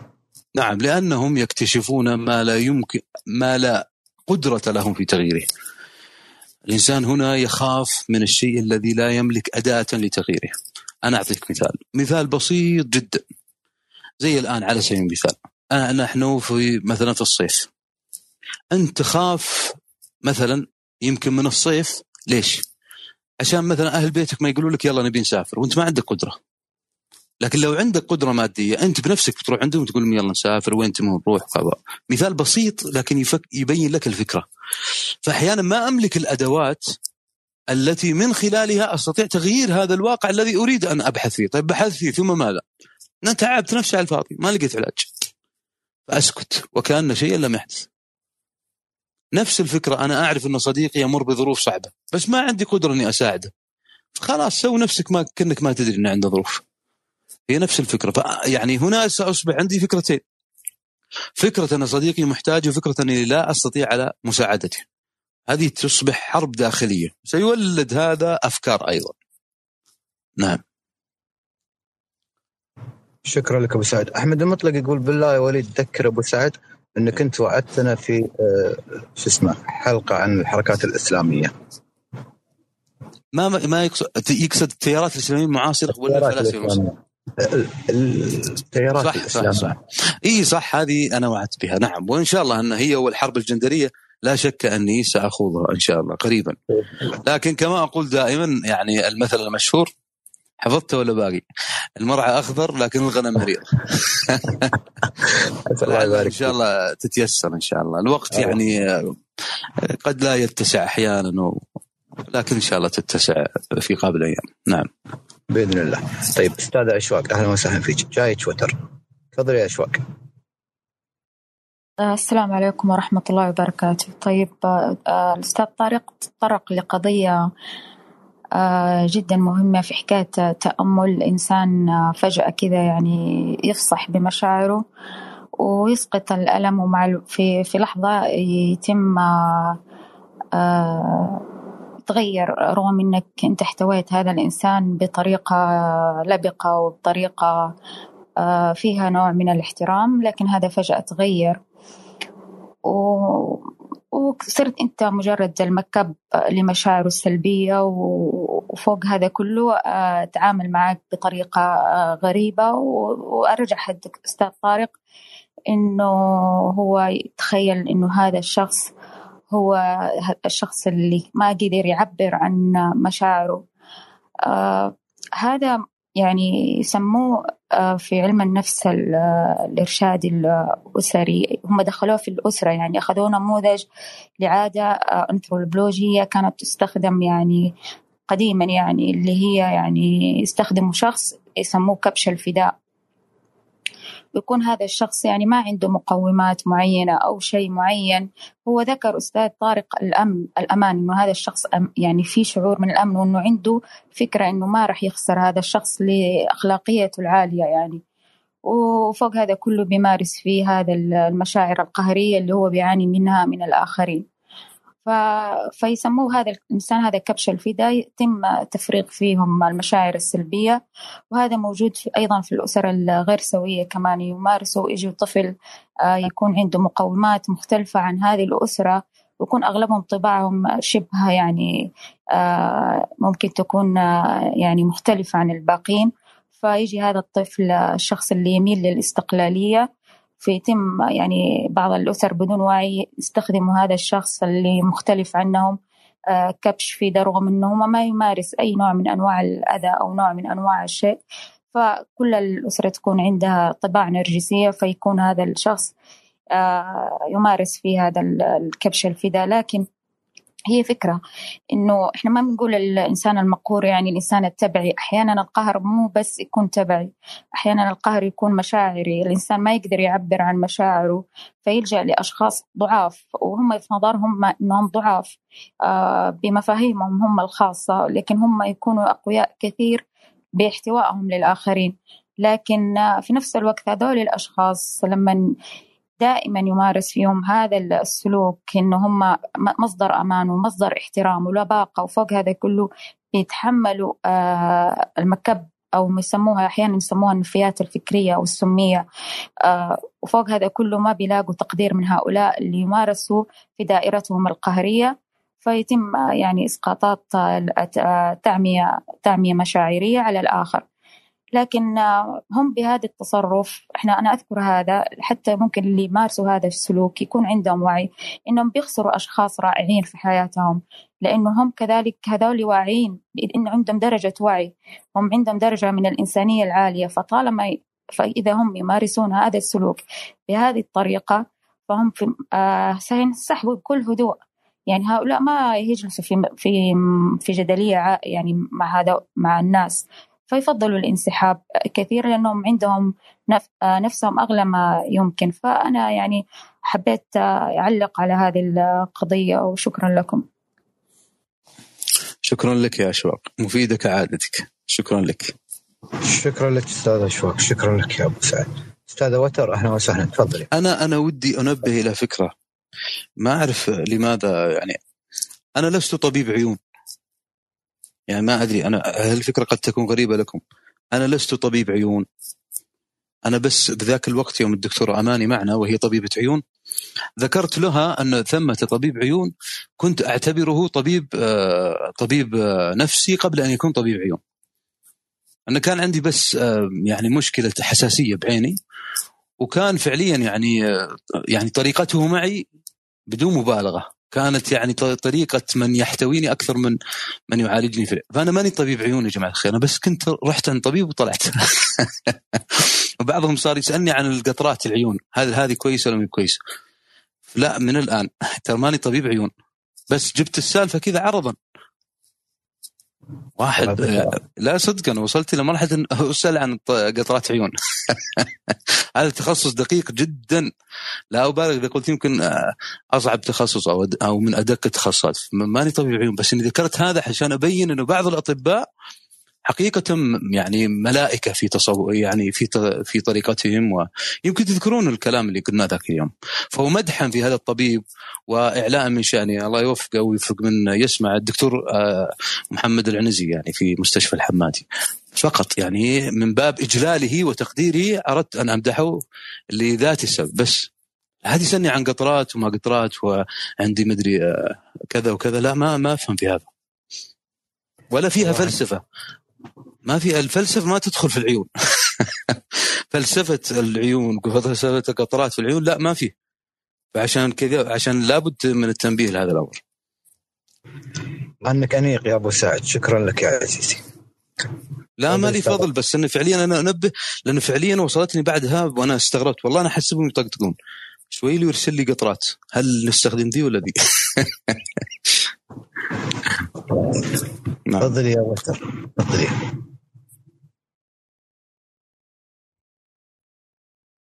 صباح الخير. تسمعينا؟ إيه وياكم صباح النور. كيفك وليد أستاذ طارق؟ أبي أتكلم طيب. للأمانة أنا دائما أدش وياك بس أستاذ طارق بس نادرا يعني يطوفني أشياء كثيرة. بس حلو إنه السبيس مسجل. وثاني شغلة أبي أتكلم عنها أنت ذكرت قبل شوي إنه البعض يعني ضد مو ضد يعني البعض ضد إنه البنية النفسية والمواضيع النفسية. فبما إنه في البعض يؤيد لابد تواجه فئة يعارضون يا أستاذ طارق. هذا شيء بديهي. ثاني شغلة أبي أقولها لك أتمنى يعني للأمانة أنا شفتها بالتيك توك وأتمنى إذا لك حساب يعني موثق تنزله لمتابعينك يعني للأمانة أنا جدا جدا معجبة بفيديوهاتك تعجبني وحتى لو ما معي وقت أدش وأسمعها لأنها مثلا حساب بماذا؟ شفت لك مقطع للأمانة ضارب بالتيك توك وعجبني. حاولت أنه أشوف لك حساب لكن طلع الشخص منزله يعني مو حسابك الرسمي. لا لا ليس لي حساب في التيك توك أبدا. نهائي من الآن. أنا ما لي علاقه ابدا في ولا أعرفه ولا ولا عمري دخلته في حياتي. فإذا كان في أحد حاط اسمي لا, لا ترى مو فيديو لك حيل جميل للأمانة. يعني أنا ما أتكلم فعلا أنا عجبني. حتى لو جميل. جميل ولا قبيح بس مو لي. الحساب مو لي. أنا عندي حساب فقط okay. في تويتر وهذا الذي أتحدث به. وحساب أيضا معروف في سناب موجود في البايو. بس. حلو. ما لي اي حسابات ثانية لا في تيك توك ولا في انستغرام ولا في مدري أسامي ثانية ما في. ما أعرف هذه ابدا. ولن أفتح يعني لا في تيك توك ولا في انستغرام ولا في غيره. هذه بس قضية أنا كنت أريد منها جواب معين فقط في التيك توك. للأمانة أنا ما كنت أعرف لكن شفته ما شاء الله ضارب فقلت يعني أنا كنت سألتك سابقا وقلت لي إنه بس سناب فعجبني حيل للأمانة. فرغم إنه وقتي يعني ما يسمح لي مرات ما أدش إلا متأخر بس أسمعها. حلو إنه مسجل ال space. وجدا جدا أنا للأمانة يعني يعجبني. يعني الآن المساحة هذه تخرج في في تيك توك أيضا؟ لا لا لا مرة لا ثانية؟ يعني لا لا يعني لا في نفس لا الوقت لا لا هناك؟ لا لا مو كذا يا؟ لا مو كذا. المساحة ما لها علاقة. أنا شفت فيديو لك في لقاء أتوقع. أي أتوقع لقاء مسجل.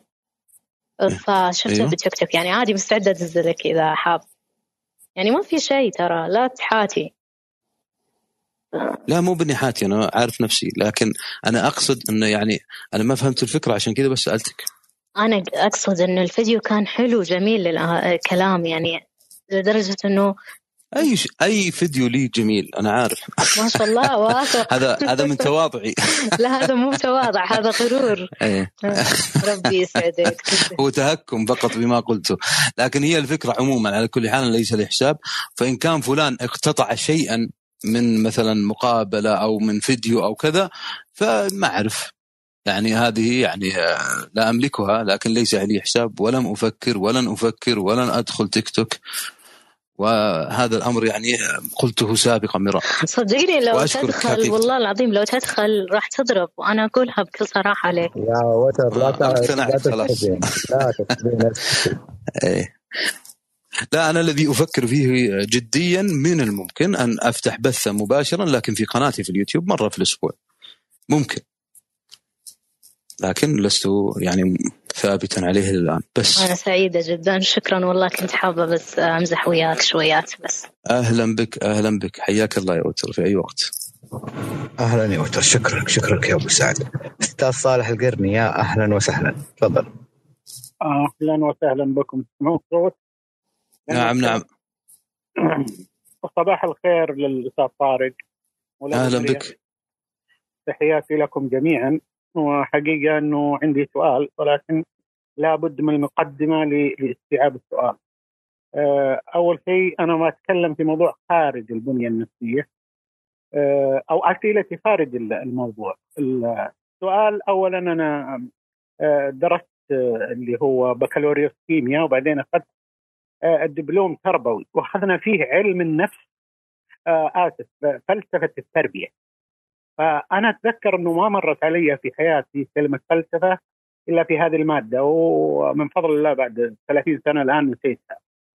آه، بس أنا طلعت موفد في أحد الدول العربية للتعليم وعين في ثانوية وتفاجأت إنه عندهم منهج فلسفة ومنهج ثاني اسمه المنطق. فتهكمت فيهم صراحة إيش هذه؟ هذا خروج عن الدين وهذا ما أدري وشو مع العلم إني ما كلفت نفسي وأخذت المنهجين وقريت.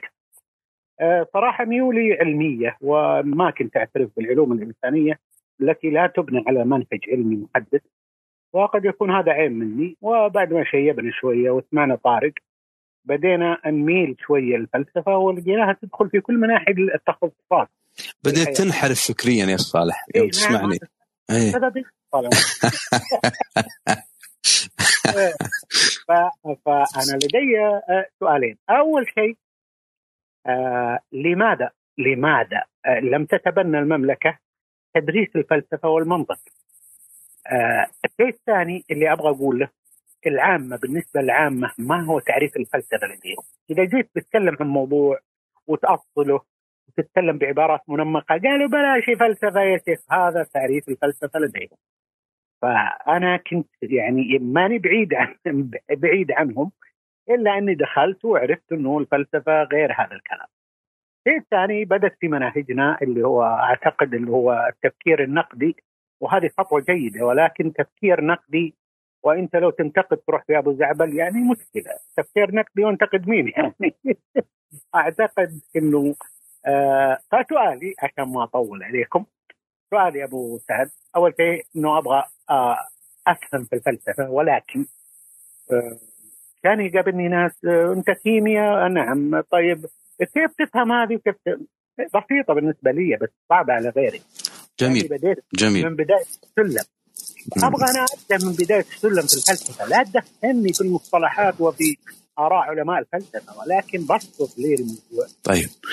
أهلا بك يا صالح. في ثلاثة كتب. هذا السؤال الأول. السؤال الثاني لماذا لا تدرس الفلسفة والمنطق آه، لدينا؟ هل هي متعارضة مع الدين أم لا؟ وشكرا لكم وتحياتي. يا مرحبا. أهلا بك يا صالح. آه، أما يعني بالنسبة لي أنا أسميها معضلة الفلسفة والدين. فحتى الفلاسفة أنفسهم لم يتفقوا. على مسألة أن الفلسفة لا تعارض الدين. كانت ممن كان يقول أن الفلسفة تعارض الدين تماما. فهو نفسه كان يرى ذلك. هيجل مثلا ما كان يرى ذلك. آه، سارتر ما كان يرى ذلك. ففيه آه، الإنجليز كثير من المدرسة الإنجليزية كان يرون ذلك أيضا تعارض الفلسفة و... فهي المسألة ليست موجودة فقط في التراث العربي بالمناسبة. لا حتى التراث الفلسفي والفلاسفة الكبار أيضا كان بعضهم يرى ذلك. كما قلت منهم كانت على سبيل المثال. فهي لا بأس أن نتحدث آه، أن نتحدث عنها بنوع من الانفتاح المعرفي. لا أريد أن هنا أن نأخذها على أنها مؤامرة أو على أنها أيديولوجية أو لا هي انفتاح معرفي. انفتاح معرفي حق لأي أحد أن يقول هذه مفيدة أو غير مفيدة. يعني حتى كلمة موت الفلسفة وأن لا قيمة لها وواك هذا قاله مثلا الفيزيائيين لا إشكال في ذلك. أيا كانت المنطقات فالنتيجة واحدة. الأمر الثاني مسألة مثلا آه، آه، لماذا لا تدرس مثلا في مدارسنا؟ ما أعرف هذا قرار سيادي في المقام الأول. والأمر الثاني آه، على المقام المعرفي من الممكن أن الوجهة التربوية لا ترى ذلك. يعني من الممكن أن ال ال ال ال اللي في قسم التربية مثلا ما يرون فائدة أن أدرس الطلاب فلسفة. ممكن. ترى أنا حتى أرسطو كان يقول من الأخطاء المعرفية الكبرى أن تدرس الفلسفة قبل الثلاثين. وفي أوروبا أيضا كان هذا هذا الأمر سائد. وبالمناسبة حتى السوربون وهي السوربون ما كانوا يدرسون مثلا سيبينوزا لأنه لم يكن صالحا أن يدرس في السوربون مثلا. ولذا اهتم به مثلا بعض الفلاسفة كجيل دولوز. فالمسألة هنا أنا أعتبرها مسألة بحثية في التربية. وليست المسألة هنا مسألة أيديولوجيا أو غيرها. يعني في النهاية درست الأحياء ودرست الكيمياء. الكيمياء في فترة من فترات مثلا تاريخنا الإسلامي كانت خيمياء. وما كانت مقبولة. ومع ذلك تدرس لا إشكال في ذلك. فالمسألة أنا أعتبرها تربوية أكثر من أيام مرة آخر. آه، مسألة حتى التفكير. لا بالعكس أنا أرى انه أن ال- الواقع الاجتماعي عندنا من من حقك أن تفكر. لا إشكال في ذلك. وأنا يعني ممن أمارس النقد ومن أمارس التفكير أنت تفكر فيما يمكن التفكير فيه. أي مجتمع من المجتمعات لابد أن تقف عند سقف محدد. نحن لسنا يعني هبل حتى تتحدث هكذا كما تريد وخلاص. لا لابد أيضا يكون عندنا قوانين وقواعد. يا أخي أنا لما أسولف أنا وأنت وأمون عليك من حقي أن أتحدث معك في كذا وكذا وأن أنقدك. لكن في خط أحمر بيني وبينك أيضا. لأن الخط الأحمر هذا سيؤذيك. فأنا مثلا كدولة لابد أن يكون عندي أيضا خط أحمر. لو كل واحد قال أي شيء أين الأمن الاجتماعي اذا فهذا اندلدل على أيضا نظام آه، قويم. نظام أيضا موجود في كل مكان في العالم. على على سبيل المثال في في أوروبا مثلا ثمة مواضيع لا يمكن أحد يتطرق لها. بل حتى يمكن تدريس دوستويفسكي الآن أصبح ممنوعا في الدول الأوروبية. في أمريكا يفصل من يدرس هذا هذه المادة. هذه هذه أفكار تعتبر من الأفكار التي الداخلة في الأمن السيادي. تومسكي تكلم عن هذا في الام آي تي. يعني يسمح بذا ولا يسمح بذا.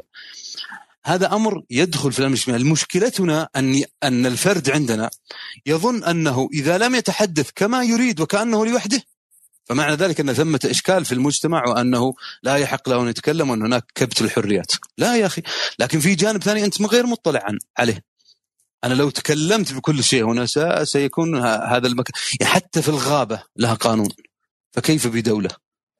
لكني أنا أرى في في تويتر أرى في مواقع التواصل بشكل عام أرى في الصحافة أرى في الاعلام في التلفاز أرى أن الجميع ينتقد ما يمكن أن يقدم آه، فائدة حقيقية للمجتمع. أما الذي فقط يريد أن يكون بطلا قوميا فهذا ليس مكانه في دولة. هذا مكانه في آه، في منطقة حروب أهلية. ليس مكانه في دولة منظمة. نعم. شكرا لك يا أبو سعد. شكرا لك أستاذ طارق. شكرا جزيلا. شكرا. أستاذ طارق أبي أخذ أسئلة من الخاص بعد إذنك نجيب أه، أو بنقل لك الكلام اللي في الخاص. طيب. وليد عندي سؤال إذا بالإمكان. طيب خلينا أقول لك أقصد إن من باب الفضفضة أنت شخص كتوم لكن هناك من يحاول أن يظهر بداخلك بالأسئلة الملحة بحجة مساعدتك. ولما يسمع لك أو غيره بعد فترة يبدأ يصفك هذا الشخص أنك تبالغ بشعورك مما فعلا يجعلني شخص كتوم وأكثر وحذر ومنعزل وأندم ولا أثق مجددا بالآخرين. نعم هذه سنتحدث في مساحة كاملة عن مسألة الحذر التواصلي. لا تستعجل. هي لها أيضا يعني سنتحدث عنها مسألة الحذر التواصلي. نعم. فأنا أريد أن أفصل فيها أفضل من جواب مخ- مختصر يعني. حلو. أه، هناك سؤال بعيد عن البنية النفسية. سؤال, سؤال لك أنت. وش؟ هل قرأت ما رأيك أول شيء بالأدب الروسي؟ والأدب الروسي يقص في بواطن النفس البشرية. فهل قرأت تهذب النفس وتنم وتنمي الحس الاجتماعي؟ نعم. أنا قارئ جيد ترى لل للأدب والنقد الروسي. هذا سبب علاقتي مع الدكتور عبد الحكيم الفضلي. كنا أيضا يعني يمكن تعرفنا على بعض من كثر ما تكلم عن الأدب الروسي لأنه أيضا كان لي سلسلة في الأدب والنقد الروسي ولعله هو الذي يعني طبعا الدكتور عبد الحكيم له أيضا كل المحبه والتقدير هو أستاذ الأدب الروسي وهو خريج أيضا روسيا. فنعم يعني أنا ما أريد أنا يعني أن يعني أثني على نفسي ما أعرف يمكن أكون ضعيف عند الآخر لكن عند نفسي أنا قرأت نعم. ما أحتاج علم. الله يبارك فيك ويزيدك من علمه يا رب. أهلا بك. آه بعدين نخلي ثاني مرة الأسئلة اللي في الخاص. أستاذ نجيب. إيه حتى نسير قليلا في الموجودين اي نعم. أستاذ نجيب يا أهلا وسهلا. تفضل. آه يا هلا ومرحبا. أهلا يا حبيبنا نجيب. كيف أخبارك يا دكتور؟ حياك الله. أهلا وسهلا. من العايدين الفايزين علينا وعليك يا حبيبنا. آه، الله طبعا أيضا. من من آه، رواد مدرسة الفلسفة ومن آه، أيضا مشاركين في عوالم الفلسفة. نحبه ونفاخر به ومشاركاته جدا قيمة. عقله نجيب. الله يعافيك. فخر كبير يا دكتور وشرف كبير. معرفتك الله يسعدك يا الله أهلا بك. يسلمك. ويعافيك آه، لاحظت أنا كل ما تتكلم على ال- ال- ال- البنية النفسية تربطها بال- باللغة والإدراك.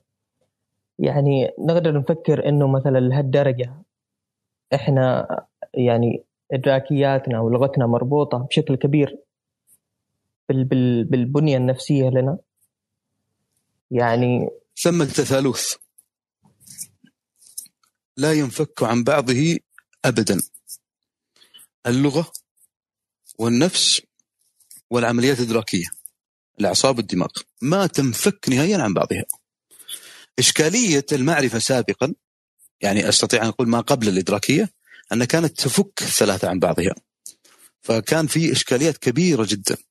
يعني حتى آه، آخر ما توصل إليه الآن في مسألة علاج الاكتئاب وهو الذي يعني يتجه مباشرة للجسم الثفني هذه بسبب أيضا الدراسات الإدراكية. وسيكون يعني إنجاز عظيم جدا وسيتم إن شاء الله. لكن الفكرة هنا هي فكرة أن أنه لا بد أن نعود إلى هذه الفكرة مرة أخرى ونطيل النظر فيها جدا. نعم. آه، جميل جدا يا أستاذي العزيز. طيب آه، هل نقدر نقول إنه مثلا آه، أغلب الموجودين آه، أغلب الموجودين اللي هنا عندهم مشكلة مثلا بال- بال- باللغة والإدراكيات. انت تكلمت مثلا عن السردية اللي تكلمت عليها عن ال- ال- ال- البنت اللي كانت معاها مشكلة بالوصف اللي يقوله نعم لا. يوجد إنسان إلا وعنده مشكلة. مم. اي فرويد كان يسقط آه، أحيانا مغمى عليه بسبب بسبب كلام يسمعه. ولهذا جاءت كلمة كارل يونغ له. قال هذا طبعا هذه جملة ذكورية كما يقال. قال وعندما نقده يونغ لم يجرؤ عليه في حياته إلا يونغ بالمناسبة. فسقط مغميا مغميا عليه يعني سقط اغمي عليه لأنه انتقد فرويد. فرويد كان عنده هذه النرجسية التي لا تجدها عند غيره. فقال أن أن فرويد هو يونغ يقول قال فرويد كالمراه إذا حدثته بأمر يغمى عليه. هذه من الصراعات الدائرة اللي كانت بينهم. فالفكرة هنا أن حتى فرويد وهو فرو... الذي هو رأس التحليل النفسي وعلم النفس كان هو أيضا عنده هذه الإشكالات. وحللت بالمناسبة نفسيته بعد ذلك فوجدوا أن كثير من يعني كثير من الإشكالات موجودة عنده. ما يخ ما في إنسان يعني يعني يخلو من هذا. بالمناسبة حتى مسألة الإيمان وكلما تقوى إيمانك غير صحيح. يضيق صدرك بما يقولون ما يقول قيدة الماء قيدة النبي صلى الله عليه وسلم فحتى النبي وهو النبي يضيق صدره ويتعوذ من الهم والغم والحزن و ولا أبالغ إذا قلت أن حتى تحليل شخصية عمر الخطاب قد قد تؤدي بنا إلى أن عندك كان عنده اكتئاب من الممكن تحليل شخصيته وفق أحداث حياته. فلا بأس من ذلك يعني هي الفكرة هنا هي فكرة طبيعية في الإنسان، لكن كيف تخفف هذه النسبة وتسيطر عليها؟ هذا هو السؤال. نعم. شاكر لك يا أستاذي العزيز. الله يحييك يا حبيبي. الله يعافيك.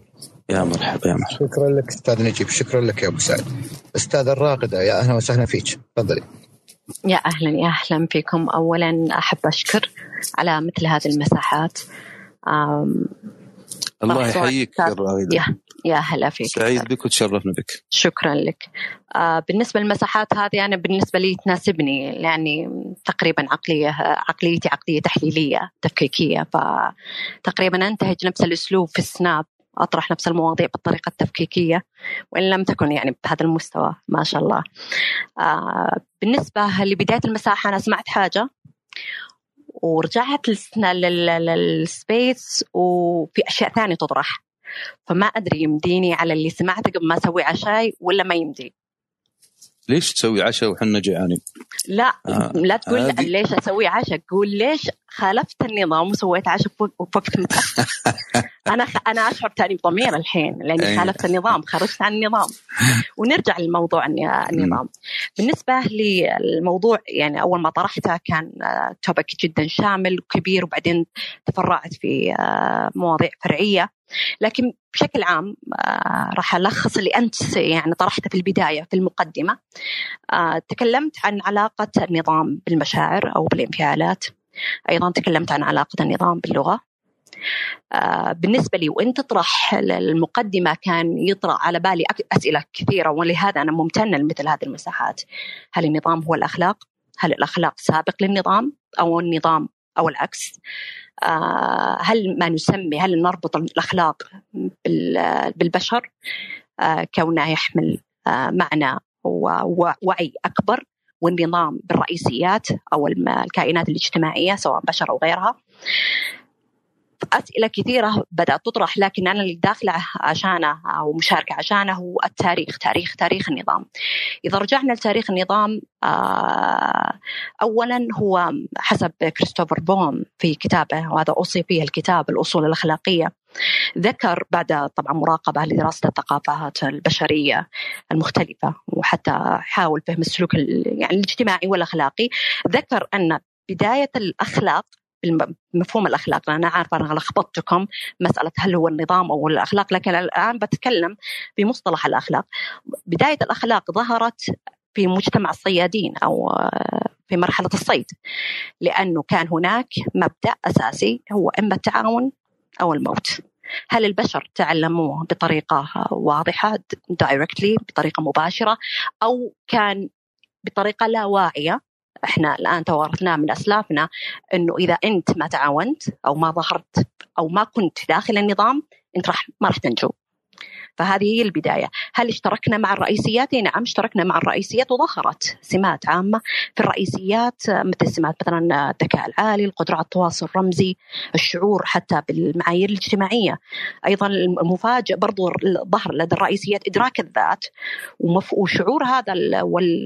وشعور الاستمرارية أو مفهوم الاستمرارية أن لابد أن أستمر في اتباع النظام وإلا لن أنجو. فهذه هي البداية بداية التاريخ بالنسبة لنا كبشر. هل أعتقد أن اكتسابنا أو تعلمنا للنظام أتى بطريقة جينية؟ وبطريقة متعلمة طبعا أكيد بطريقة جينية أو بطريقة لا واعية من القوانين الكون قوانين الطبيعة. حتى لو كان هناك اختلاف بين قوانين الطبيعة وقوانين البشر من ناحية أن قوانين الطبيعة مثلا فيها نمطية فيها تكرار آه، ثابتة منذ الانفجار العظيم قبل 13 مليار سنة. آه، أما قوانين البشر فهي متغيرة وحسب الثقافة وحسب الزمن. آه هذه النقطة إذا هي نقطة تاريخ النظام علاقة النظام أو آه، هل هناك تشابه بين النظام البشري والنظام الكوني؟ آه نقطة مذهلة أن طرحتها وهي ترجعنا للنقطة الأولى اللي هي تاريخ النظام اللي هي علاقة النظام بالمشاعر والانفعالات. البشر في مجموعاتهم الصغيرة لما خرجوا من أفريقيا كانوا يعلمون أنهم أو مثل ما صغتها أنا حبيت الصياغة اللي صغتها قلت كلمة الأمان. حتى أنجو أن لابد أن أتبع نظام معين. وبالتالي آه وصفت أنت برضو وصف آخر اللي هو الخوف. الخوف من أنه يفقد آه امتيازات امتيازات الحماية والتي هي ظاهرة أكثر في مجتمعاتنا إحنا الشرقية والمجتمعات الكولكتيف الجمعية أكثر مما هي في المجتمعات البريطانيه ف فكان الشعور الأمان الشعور بالأمان هو الذي جعل البشر يتبعون النظام ويحاولون يخيفهم الخروج من النظام. سؤال تبادر ذهني وأنتم تسولفون. هل المشاعر سابقة للنظام؟ أم أتت بعد؟ بعد تأمل في الموضوع أن المشاعر سابقة وخلال التطور الأخلاقي أو تطور النظام وحتى ما زالت تتطور فالمشاعر سابقة بمعنى أنه شعر البشر أنهم لا بد من طريقة لتقييد الأنانية الفردية وأن هناك حاجة إلى مجموعات تعاونية والمجموعات التعاونية تكفل لهم الانتقال من أرض إلى أخرى في ذاك الوقت أو في النشاطات نشاطات الصيد والى آخره. آه، برضو واحدة شاركت. أنا ما أتذكر إيش اسمها تعذرني. أنه ذكرتني في معضلة ما تسمى بمعضلة السجن أو السجين التي طرحها جون ناش. وهذه المعضلة هي اللي بالصيغة الدينية وصيغة الموروث الديني العين بالعين. ف الاستراتيجية واضحة أنه أنت كفرد لابد أن تتعاون طالما أن الآخرين يتعاونون وألا تنشق حتى لا تتضرر ويتضرر الآخرون. بالنسبة أيوه هذه هي أعتقد الأفكار اللي حبيت أطرحها. الآن أنا وأنا بعد ما خلصت عشاي شعوري إنه أنا خارج النظام والسبب المدخلات مثل ما قلت. المدخلات تقول لي إنه أنت لا تتعشين متأخر. فيتبعها إنه تقييم الناس أو أو انتقاد الانتقاد أو حتى الضمير. لعبة الضمير تلعب دور. يعني أنا ما حد يدري إنه أنا تعشيت بغض النظر عن إني أعلنتها في سبيس ما أدري كم فيه ضمير آه، جلد الذات إنه أنا خرجت عن ما أعتقد أنه نظام ينبغي أن أتبعه. وهذه فقط الأفكار اللي حبيت أطرحها. جميل جدا هذه المشاركة. هذه مشاركه انثروبولوجيه بامتياز وأنا أشكرك عليها. وأشرف جدا بهذه المشاركة. هي نافعة وفاتحة باب أيضا للتأمل. آه شكرا لك. ودي بس بتعليق بسيط آه بالنسبة لسؤالك اللي طرحته. يعني ما يحتاج تسأل آه، يعني هل هي نافعة أو لا. اوريدي أصلا إحنا نتواجد يوميا متعطشين. لأن الأسئلة اللي تطرحها هي ما تطرح فقط أجوبة. الأسئلة اللي تطرحها تطرح أسئلة. وأنا بالنسبة لي هذا أعظم من كون طرح الأجوبة. تطرح أسئلة أخرى. لكن اللي اتمناه إنه ال topic عنوان المساحات يكون بلغة يعني جدا دقيقة بحيث إنه ما نتفرع غصب عنا. أنا أتفهم إن الموضوع أصلا هو already spiral يعني أنا وأنا أسمع كنت وأنا أسمع المشاركات وأقول فعليا إحنا العرب أصحاب تفكير spiral تفكير حلزوني. نتفرع من دون ما نحس ونطلع جوانب ثانية مع إنها ترجع في الأخير لها علاقة أكيد في الموضوع. لكن ما نحاول إنه نصير بال direct way ما نحاول نصير ماسكين الخط واحد. فعلشان نتجنب هذا الشتات لأنه أنا كل ما شاء الله مشاركة أسمعها أقول واو هذا الحالة موضوع. فعلشان غصب يعني نصير يمكن نلتحم يمكن يمكن لأن المساحة تأخذ في صبغتها الأولى الفلسفة. صحيح ولا يخفاك أن الف... أن الفلسفة يعني تتسع لكل هذا. أيوه صحيح. لكن وأنا مثلا أشارك الآن أنا ما أدري ما شاء الله أشارك. هل أعلق على المقدمة اللي أنت ذكرتها ولا على الأخوة والأخوات اللي طرحوا مشاركات جدا عظيمة وكل واحدة تفتح مجال للأسئلة ومجال للنقاش. فأحس إنه ممكن إذا هذا الاقتراح يناسبكم ويناسب الجميع إنه نحدد بسؤال بحيث إنه نلتزم في هذا المساحة الضيقة وبالتالي ستطرح أسئلة أخرى. أي نعم لكن ما نصير موضوع ما شاء الله كبير يحتاج مساحات. يعني مثلا المساحة حقت اليوم أنا أعتقد مس... نحتاج إلى مساحة أخرى تتكلم عن علاقة النظام بالانفعالات. هذا الحالة توبك عظيم. هذا الحالة يطرح مليون سؤال. فما بالك في علاقه لا لا لا علاقه آه النظام باللغة والشيء العظيم؟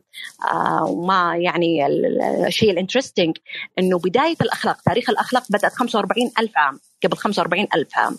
تاريخ م. اللغة بدأ قبل 50 ألف عام. فهذا مرة حتى إن يعني أنا ما أنا أنا لينغويست لكن ما قد طرب بالي إنه واو في علاقة لابد أن يكون في علاقة بين الاثنين إنهم بدأوا في نفس تقريبا المرحلة. جميل كلامك صحيح ولكن أنا يعني يمكن أن أن أقول رايا آخر حتى نوسع الفكرة فقط. تفضل. وهي اولا أني كما قلت أنني أنطلق هنا من منطلقات فلسفية فلا بد من التوسع لأني هنا أناقش البنية وأناقش الأصول وأحاول أن أضع نسقا لها هذا اولا. الأمر الثاني يعني كلامك صحيح ولا أخفيك أنني أتخذه في يعني مثلا في مثلا مجموعات أخرى يعني غالبا هي مجموعة في التليجرام لكن في مساحة وفيها متعدد المشارب والتخصصات وال... والقراءات فأنا أعمد حقيقة يعني أقولها يمكن المرة الأولى أعمد إلى التوسع قدر المستطاع حتى أشرف بكم جميعا وبمشاركاتكم وأيضا حتى نسمع من أكبر عدد ممكن من التوجهات حول الفكرة. فهي بما أنها مساحة في تويتر أريد أن تكون مفتوحة قليلا على مصراعيها حتى نستطيع أن نفتح بابا أوسع للحوار والنقاش مع كل التخصصات. يعني لاحظي لو أني هنا ربطتها ربطا دقيقا مثلا بمفهوم على سبيل المثال فلسفة العقل، ممكن أنا ما كنت أشرف بوجودك معنا وهذه المشاركة النيرة التي فتحت افاقا للجميع. لماذا تقولي مثلا؟ هؤلاء يتحدثون في فلسفة اللغة لكن أنا بطريقة انثروبولوجيه قد لا تتناسب. كلامك صحيح وجميل. لا لا بالعكس أنت شكرا لك لأنك فتحت الآن مجال لرؤية أخرى إنه فعليا ما شاء الله من من جميع التخصصات المتواجدين فطبيعي إنه نتوسع أكثر. آه لكن راح أظل أنا ستك للمقدمة. أنا بصير مخلصة للمقدمة. المقدمة اللي تقدمها بغض النظر عن الأشياء ابدا ابدا. المهم نشرف بك. هذا أنا هنا الله يعطيك العافية ومتشرف فيهم جميعا. يعني أنا هنا أحاول أن أضم الجميع. أنا أمكم هنا. أجيبكم كلكم. ما والله يا أستاذ طارق انها المساحات يعني أنا من بدأت المساحات في تويتر قليل جدا أدخلها. أدخل وثلاث دقائق وأطلع. انزعج يعني ما, ما يتناسبني مش بالضرورة إنها سيئة لكنها ما تناسبني. ما شاء الله أحضر أحضر المساحات كأني أحضر كلاسات. وأنا ممتنة وممتنة لجميع المداخلات اللي ما شاء الله يعني في ناس عرفت عليهم من خلال مساحتك وعلى طول الفولو من دون أي تردد. أشرف بك راغده. وانت وأنت تعلمي أيضا أنني آه، دائما ما أقول عنك أنك باحثة ممن نفاخر بهم حقيقه شكرا لك الله يعطيك. العافية هذا ليس ليس يعني تفضل هذا حقك وهذا. مجهودك وهذا نتعلم يعني منكم نتعلم. منكم من هذا الجميع الله هذا حقك وأنا أقولها للجميع أنا حريص يعني بدقة أن لا أقول إلا ما يمثلني ويمثل يعني سيرتي العلمية فأنا لا أثني إلا على من يستحق وانت ممن يستحق هذا ولا فضل لي في هذا انت باحثة ممن نفاخر بهم وأيضا ممن آه، نعود لهم فنستفيد دائما بآرائهم وأفكارهم. شكرا لك ولمشاركتك. طبعا أنا أقول هذا للجميع حتى يعلم أن الراغدة وهذا اسم مستعار بالمناسبة آه، أنها باحثة متمكنة وممن نفاخر بهم في أيضا أستطيع أن أقول في اللسانيات الأنثروبولوجية. نعم. شكرا لك أختي الراغد شكرا لك يا أبو سعد الله يا يبارك. فيك يعني. طيب أخوي محمد محمد القباقبي أهلا وسهلا فيك السلام عليكم وعليكم؟ السلام أهلا بك يا صديقي. أهلا وسهلا أستاذ طارق أهلا بك. بالنسبة للمواضيع النفسية أنا من المؤيدين لها لأن قد تكون منتشرة في النت لكن أسلوبها في النت نوعا ما تخصصي. إنما الطرح الذي تقوم أنت به هو طرح فلسفي.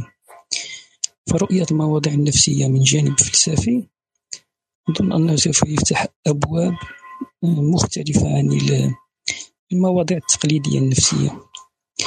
من جانب آخر آه، بالنسبة للموضوع الذي تحدثت عنه في البداية وهو النظام النفسي ذكرت أن الإنسان حينما يكون لديه مشكل مع شخص آخر أو أنه يكره شخص آخر فهو يقوم بنقل هذا الكره إلى شخص جيد فقط لأنه منحه بابا أو منحه فرصة لكي يفض- يفضفض له. في اعتقادي أن الإنسان حينما يكره شخص آخر وحينما يكون جالسا بمفرده هو يكون مجموعة من الأفكار السلبية تجاه ذاك الشخص الذي يكرهه. ويكون خيالات ومشاهد يحاول من خلالها أن ينتقم داخليا. هذه العملية نوعا ما تكون كرة من الانفعالات. هذه الكرة من الانفعالات من وجهة نظري هي لا ترمى للطرف الجيد لأنه سمح للطرف الأول بأن يفضفض.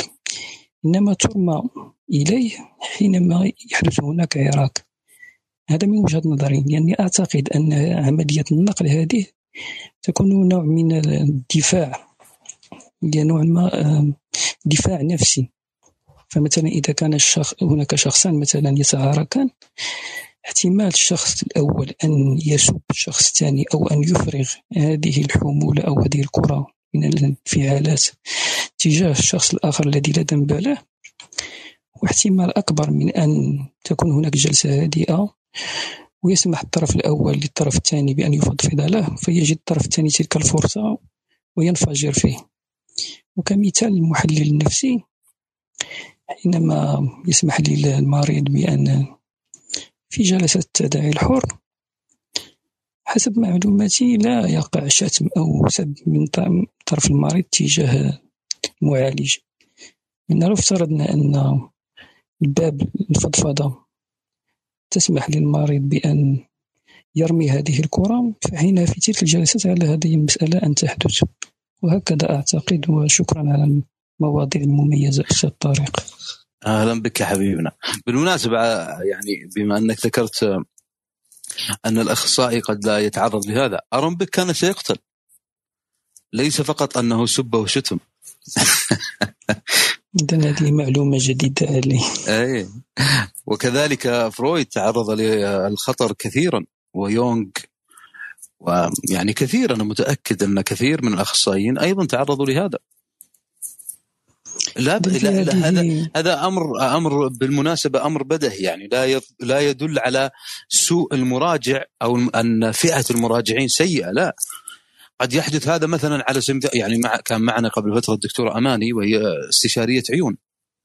تعرضت لنوع من العنف اللفظي طبعا. يعني أو خ... لنقل سوء الأدب في التواصل معها. وهي طبيبة عيون.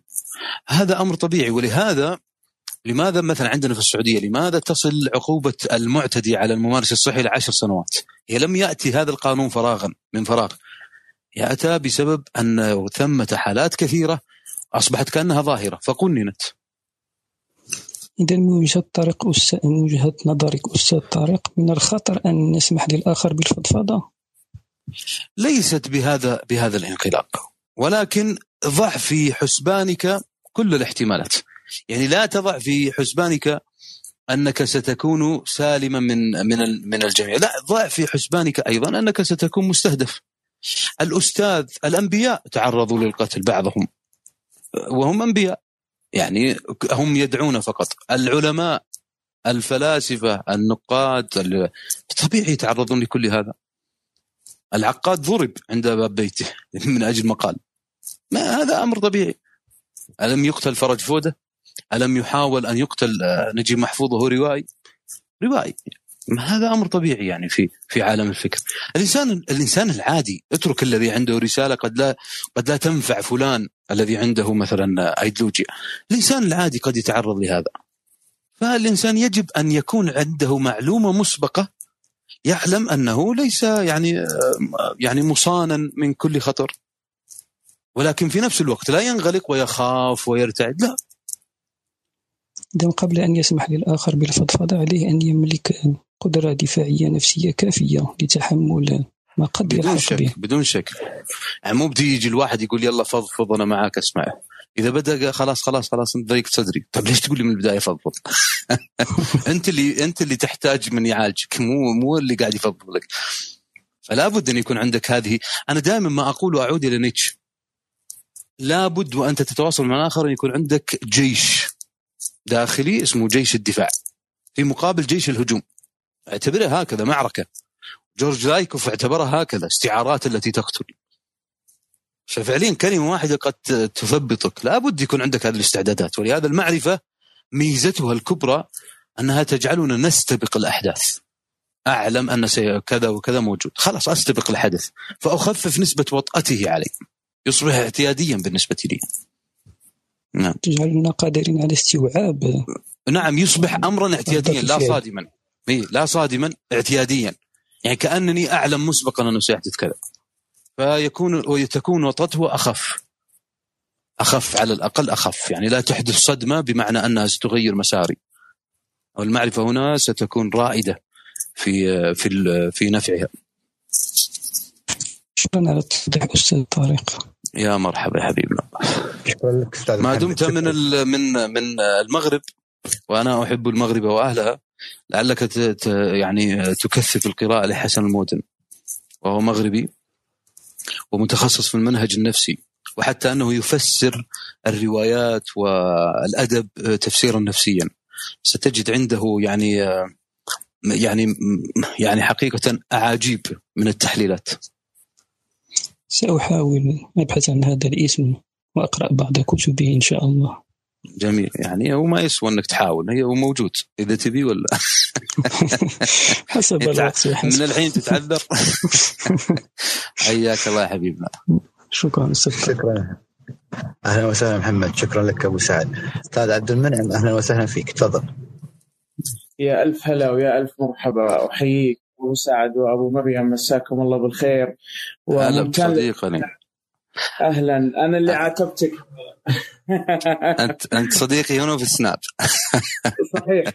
حياك الله اسمح لي على العتب لكن الانتظار جدا كان صعب علينا. الله, الله يمسك واسمح لي التعقيب على المقطع اللي تكلمت عنه وتر وقالت إنه آه، اللي انتشر في التيك كان كانت المقابلة اللي عملتها مع برنامج ثمانية. آه، اقتطع منها ووضع منها في برنامج التيك توك. هذه كانت تعقب عليها. إيه. للأمانة آه، أبو سعد آه، دائما حنا نبغض الكتاب وخصوصا كتاب الأدب الروسي وغيرهم لأنهم ينبشون ما في دواخلنا وكأنهم يفهمون اللي, إحنا نشعر به أو نفعله ويجدون تغيير لكل تصرفاتنا. أنا أخشى للأمانة إنه مع السلسلة هذه إن إحنا نبغضك يا أبو سعد وأتمنى ان ما نصل آه، لهذه المرحلة. آه للأمانة ما, ما قاعد تلمح عبث أعرفك لا يا معاذ الله آه للأمانة أحمل سؤال في داخلي ف هذه المساحة بتكون جدا ممتازة إن إحنا اسئله. آه، سؤالي للأمانة كيف ممكن إن إحنا نفسر هذه الذات المفقودة؟ أنا أقصد فيها إنه النظام الذهني لحالة الإنسان اللي تخلي عقولنا تفسر كل أفعالنا إلى صواب. على سبيل المثال رفض في الوظيفة مثلا تجد فض واجه على طول يلقي اللوم على والله المدير. رفض في مثلا أو فشل في اختبار يلقي اللوم مثلا على الأسئلة. رفض في علاقة وجه اللوم على الطرف الآخر. الحالة الذهنية هذه كيف نفسر النظام هذا؟ إنه كيف الإنسان ليش يرى نفسه صواب دوما؟ نعم نعم. هذه يسميها هذه أنت الآن أمام أمرين. وهي حيل لا شعورية كما يسميها فرويد وهي التبرير والإسقاط النفسي. يعني حبا لك يا عبد المنعم واحتراما أيضا لسؤالك. أنا فصلت فيها في ثلاث حلقات طويلة أظنها يعني حول خمس ساعات وموجودة في قناتي بعنوان الإسقاط النفسي. ثلاث أجزاء يعني مت... هي كانت مساحة ونقلتها إلى قناتي في اليوتيوب. ففيها تفصيل لهذه الحيل اللاشعوريه آه لماذا نفعل ذلك؟ أنا أقصد لماذا أقول هذا؟ لأنه هذا السؤال ممتاز جدا ولكن جوابه واسع جدا فأنا لا أريد أن أختصره ف يعني أبتسره.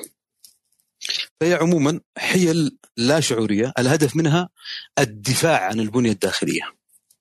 أنت تحاول بهذا حتى تبرر تبرر تسقط نفسيا هذا كله دفاع عن بنيتك النفسية الأولى. ما هي البنية النفسية؟ هذا الذي سنصل إليه بعد مجموعة هذه السلسلة التي فتحتها اليوم. بعد أن أنهيت سلسلة الذات. نعم. عظيم عظيم. إحنا حبنا لك يا أبو سعد. وضع على عاتقنا أن إحنا ندخل آه، اليوتيوب وهذا الآن الخطة القادمة أنه آه، ننتهي من جميع الحلقات اللي نزلتها على قناتي والله يعيننا على ما تقول نحاول أن إحنا نلخص لأنه الجهد اللي انت تعمله للأمانة لابد أنه يقابل بنوع من التقدير واللي أعتقده بذاتي إنه لابد انه إحنا نقدم مثل اللي تقدمه لذلك نلومك إذا تأخرت بالبث أو ما أشعرتنا انه يكون في حالة الساعة 2 أو بتكون الساعة 12 ونص أو واحدة ونص تضطرب وعندي سؤال صغير إذا سمحت لي وأختم فيه ولا ود اني أطيل واسرع من البقيه. آه إيش هو السر عند أستاذنا الكبير طارق انه تكون البثوث بعد الساعة 12؟ هذا هو سؤالي الصغير اسف للإطالة. شكرا للجميع. يا مرحبا حبيبنا. هلا والله. ما في سبب معين إلا أني ممكن أن يكون برنامجي اليومي هكذا. يعني تبيها كذا بالعامية ولا تبي جواب تبي الصدق ولا الكذب؟ نبي الصدق طالع اليوم كنت طالع مع الوالدة نتمشى وتعشينا سوا. فتأخرت. وكل يوم لي عذر زي كذا يعني. عندي شيء يعني يشغلني أحيانا. وعندي برنامج يومي يعني في مكتبي فيعني هذه الفكرة. فتكون سهله في الأخير. عشقنا الليل بسببك والله يا أبو سعد عشقنا الليل. أي ثم إذا تعبت وهقني قول أنت فيك وفي هذا التبرير والإسقاط النفسي ترى. أطيب الأمنيات سيدي يا مرحبا حبيبنا الغالي. يتجدد اللقاء باذن الله نترقبك بكره إن شاء الله. أتشرف بك يا حبيبنا. أهلا يا عبد المنعم شرفتنا ونورتنا. شكرا لك أبو سعد. قول له تبي الصدق؟ أنا ما أدري ليش. قول لك إلا الساعة لا تسأل أبو سعد. إلا اي والله. أيوه. الساعة عندي أشكره. أشكره لا تسأل. الله يبارك فيك. أختي سمر أهلا وسهلا فيك. تفضلي. تراني حطيتها في الوالدة بعد الحين. شوف يعني أنا أبي أبرر نفسي. ما أبي أقول إني أنا ماني منظم ماني بكذا. لا. والله أمي قالت. هذا تبرير أيضا. أسأل الله يحفظها. أسأل الله يحفظها آمين. يا رب. آمين يا رب. أهلا يا سمر. آه، أهلا يا وليد. آه، اولا مساء الخير الاستاذ طارق ومساء الخير المتواجدين كلهم. أهلا آه، بك. أهلا بك. صراحة أستاذ طارق أنا كانت حاطة يدي على قلبي خايفة إنه الراغده تطلع. أنا أصلا طالعة لأني ودي أوصل لها رسالة للراغده أنا من أشد المعجبين فيها والناس اللي تحبها ومتابعتها من سنين.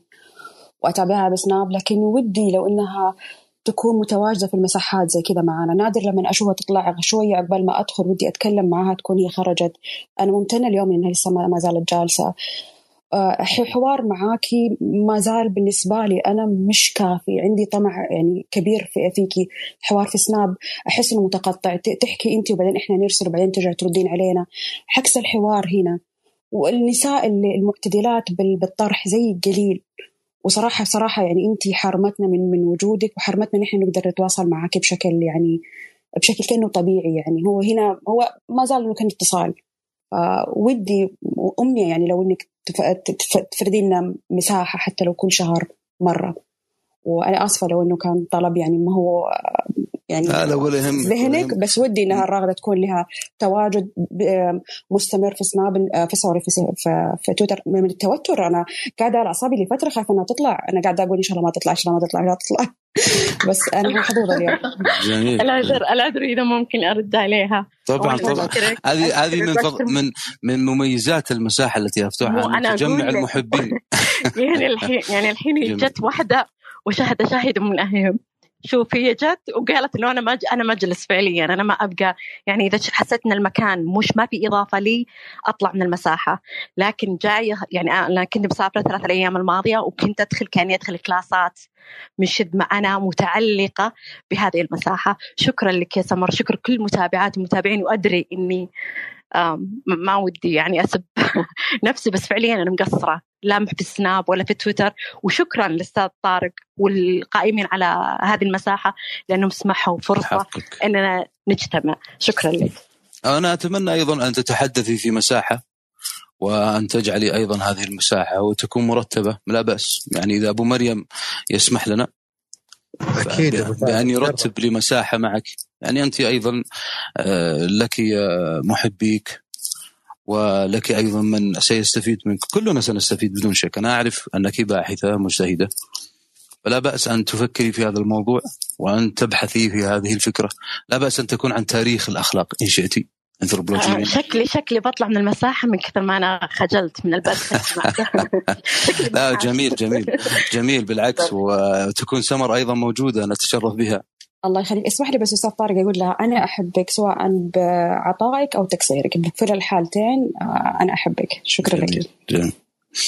شكرا لك سمر ولا عمره ولا عمره على كثر المساحات اللي نفتحها ولا واحد قد دخل وقال لك كلمة حلوة يا وليد. ولا مرة.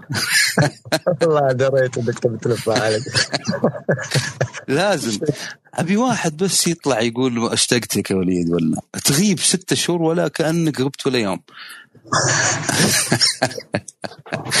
هذا سمر أول واحدة راح أسوي لها انفولو إيه. عارف سنه وما أدري كم تقول حق الراقد اشتكي يلا طيب يا سمر شكرا. أتشرف اولا يا الراقده فعلا أتشرف وأشرف بكل المساحه واهلا وسهلا فيك.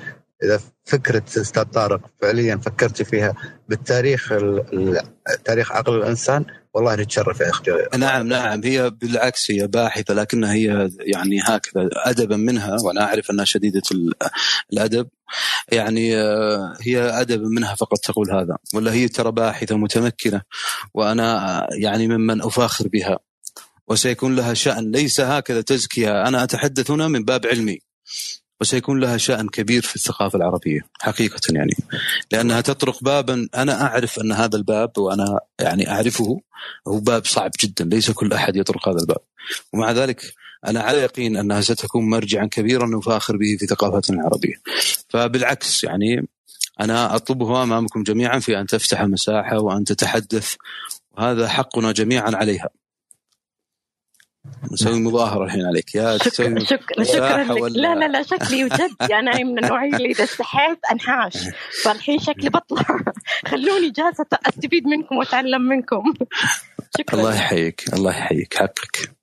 وال- والدعوة كما أقولها دائما يعني لكل أحد. والله أنا في كل يعني مرة يعرف هذا الجميع ويسمعه مني دائما.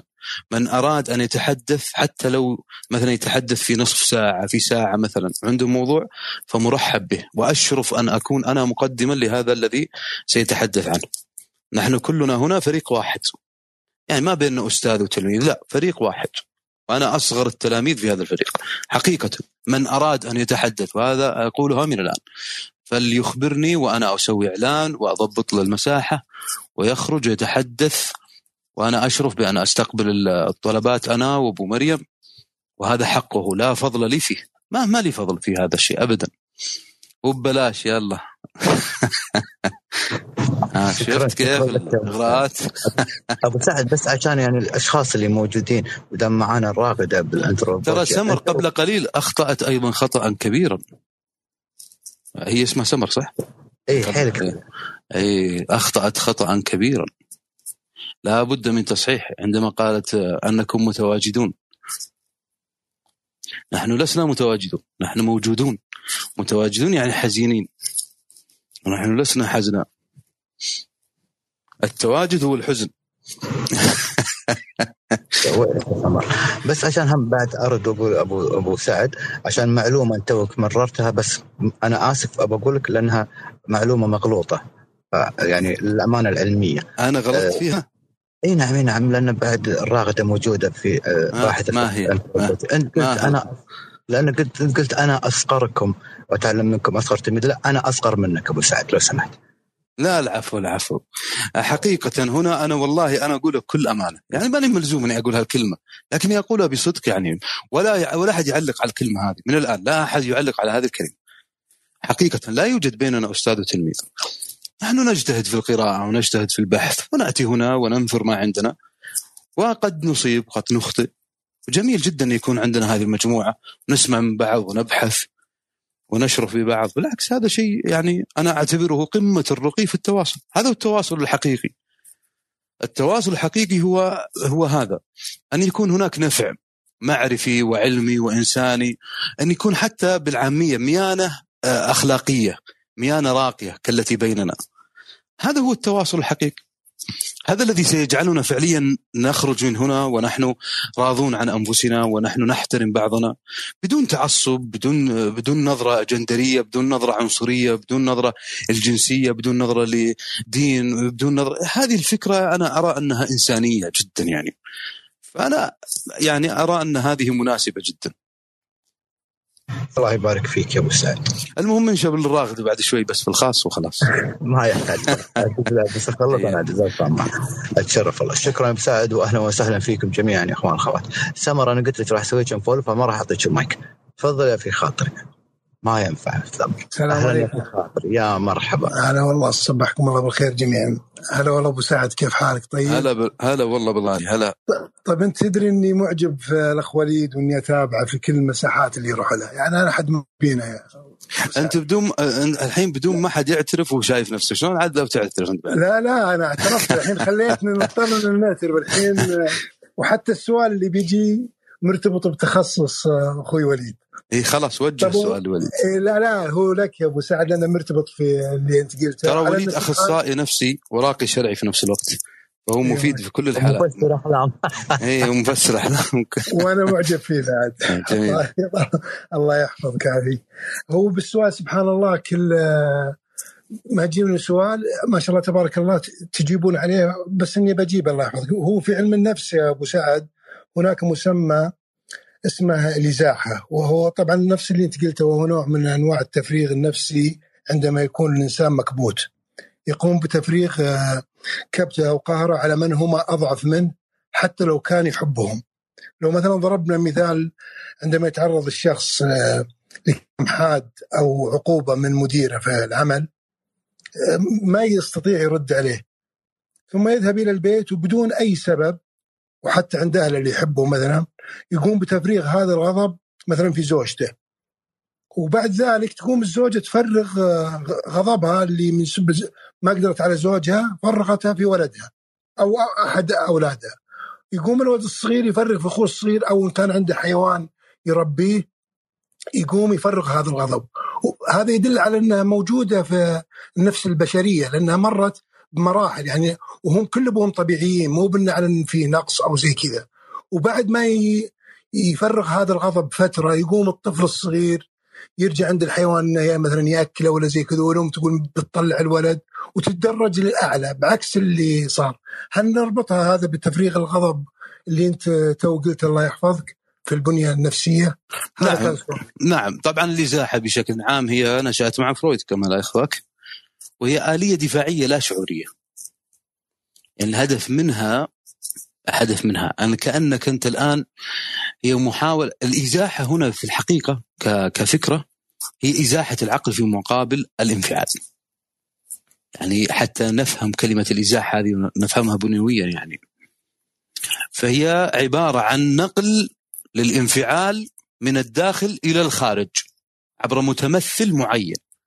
الهدف منه هو إزاحة هذا الانفعال الداخلي الذي يكون على شكل قلق على شكل آه، مثلا آه، توتر على شكل إلى اخره من الحالات النفسية. وبدون شك إنه آلية دفاعية يدافع الإنسان من خلالها. لكنها اشكاليتها أن تأخذ هذه الفكرة آه، من لنقل من سلسلة أو من التسلسل حتى يصبح الفاعل مجهولا.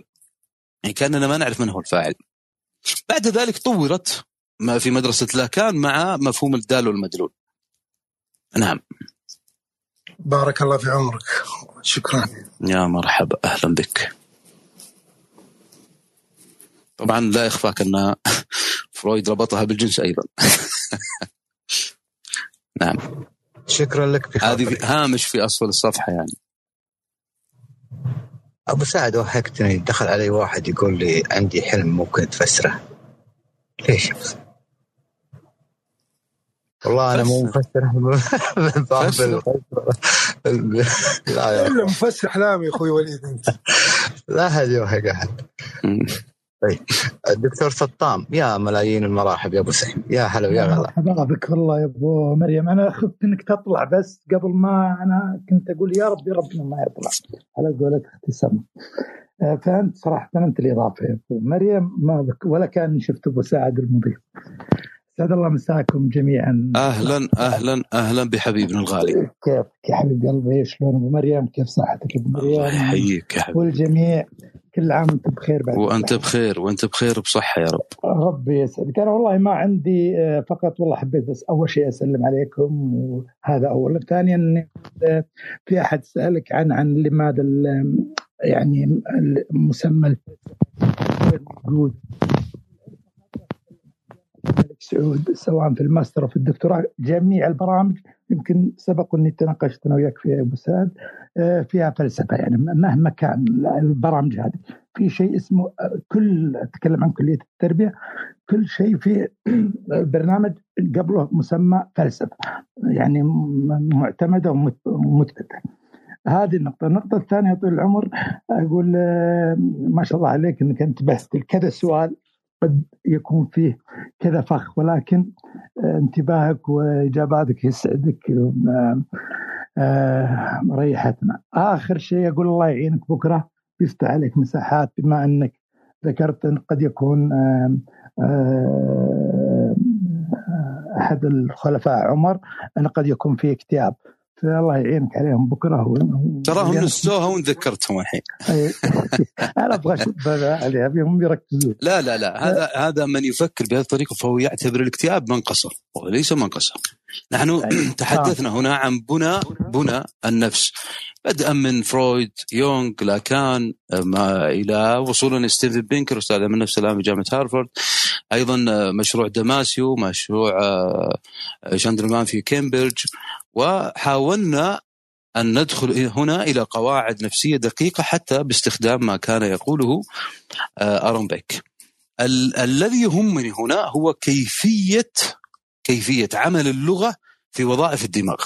هذه هي التي تهمني وهذه التي تشكل البنية الأولى في النفس وهي المهمة عندي. ولهذا نحن أقمنا مثلا عشر تقريبا تقريبا عشر على الأقل في الأيام الماضية عشر ندوات مساحات يعني في عن الذات. ثم سنقيم في البنى النفسية مثلها وأكثر. لكن هنا أنا أربطها دائما بالعمليات الإدراكية. العمليات الإدراكية العشر التي لها علاقة النفس باللغة بالأعصاب والدماغ. هذه هي الفكرة الملحة علي. حتى نفهم لماذا تكوننا بهذه الطريقة ولماذا نتصرف بهذه الطريقة. تصبح عندنا هذه المعضلة الكبرى التي قلت لا أبالغ إذا قلت أنه في تاريخ الفلسفة قد تكون هذه أكبر معضلة عند الإنسان. هي معضلة الذات لكن معضلة النظام الأفضل. وقلت هنا أن النظام الأفضل من فكرة ما هو أفضل نظام غذائي أفضل نظام اجتماعي أفضل عائلة أفضل نموذج كذا أفضل أفضل. الإنسان مهووس بفكرة النظام فلسفيا. هذه الأفكار التي قلنا بالنسبة لعمر فهو يعني أجله وأقدره وكل من يعرفون يعرف أنني أحبه. لكنه أيضا كان آه، عند تحليل شخصيته تحليلا نفسيا فقد يكون آه، يعني كان عنده نوع من أنواع الاكتئاب وهذا لا يضيره. لا إشكال في ذلك. لا مثل ما ذكرت هو سعد فعلا. إحنا نحتاج فعلا إذا تم هذا الأمر في علاج الاكتئاب والاكتئاب يعتبر أحد الأمراض العصر الحالي. لا شك لا شك. يعني هي أكثر من 300 مليون مصاب وأكثر من 80 مليار يخرج. لكني متفائل كثيرا بآخر الدراسات الآن التي آه، تربط الآن الاكتئاب أو علاج الاكتئاب بالجسم الثفني. فهذه لعلها أيضا ستحدث شيئا كبيرا في موضوع الاكتئاب. ربي يسعدك ويسعد الجميع. شكرا. وإياك يا حبيبي ترى حبيت بس فقط الله يشهد أني أسلم عليكم. لا ترى كلكم جنة الله يحييك يا حبيبي. يا مرحبا. وياك وياك يا مليون مرحبا دكتور سلطان شكرا لك. شكرا أستاذ طارق. تفضل أخوي خالد.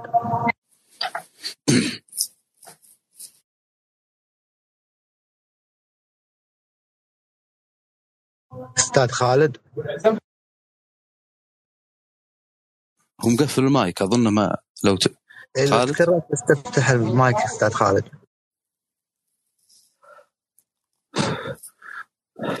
طيب نشوف آخر ثم نعود له. باقي أحد ولا؟ طيب دقيقة بس أبو سعد آخذ من الخاص.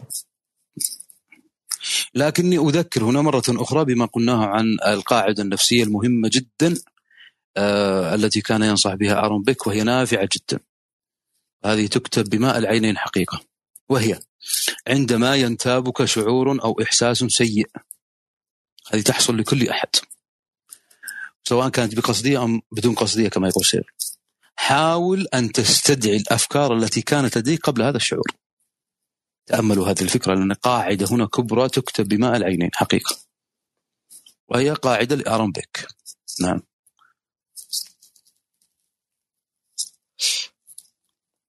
شكرا جزيل الشكر أيوه. السؤال إذا كان الإنسان في الحالة الطبيعية يقول, يقول كلام مختار ومركب ويخرج بجملة مفيدة وفي الحالة الانفعالية يختار كلام ولكن لا يركبه فتخرج منه جملة غير مقبولة في الوعي الجمعي إذا هذا يطرح تساؤل هل كل ما يقوله الإنسان هو بالضرورة يمثله بالحالتين الطبيعتين الانفعالية بحيث أن ما خرج منه بالحالة الانفعالية كانت هي الفرصة المناسبة للخروج؟ نعم. هذه تعو... لابد هنا أن نضع أساسات كبرى. أولا سأضعها على شكل عناوين. المكبوت وأنا سأعود إلى مدرسة فرويد. الأمر الثاني هو وظائف الدماغ العشر. هذه سنعود فيها إلى اللغة الإعصابية أو اللغة الإدراكية. ومشروع دماسيو إن شئتم. الثالثة وهي الوعي واللاوعي. سواء عند يونغ أو عند عند الإدراكيين. لاحظوا أنني قلت قبل قليل تأملوا في الوظائف الأربعة الأساسية الموجودة والماثلة أيضا على شكل فطري كما يقول يونغ وهي التفكير والحدس والشعور والإحساس. أما التفكير والشعور فهي عقلية والإحساس والحدس فهي لا عقلية. لابد أن نربط كل هذه حتى نخرج في نسق واحد. عندما يبدأ الإنسان الآن بالتلقي، نحن الآن أمام ما يشبه الحاسوب، بالمناسبة الحاسوب فكرته أخذت من الإنسان، ثمة مدخلات وعمليات إدراكية داخلية ثم مخرجات، المخرجات هذه نسميها سلوك. وهي ما يعمل عليه الطبيب النفسي أو الأخصائي النفسي. الآن عندنا مدخلات، المدخلات هذه قد تكون على شكل لغة.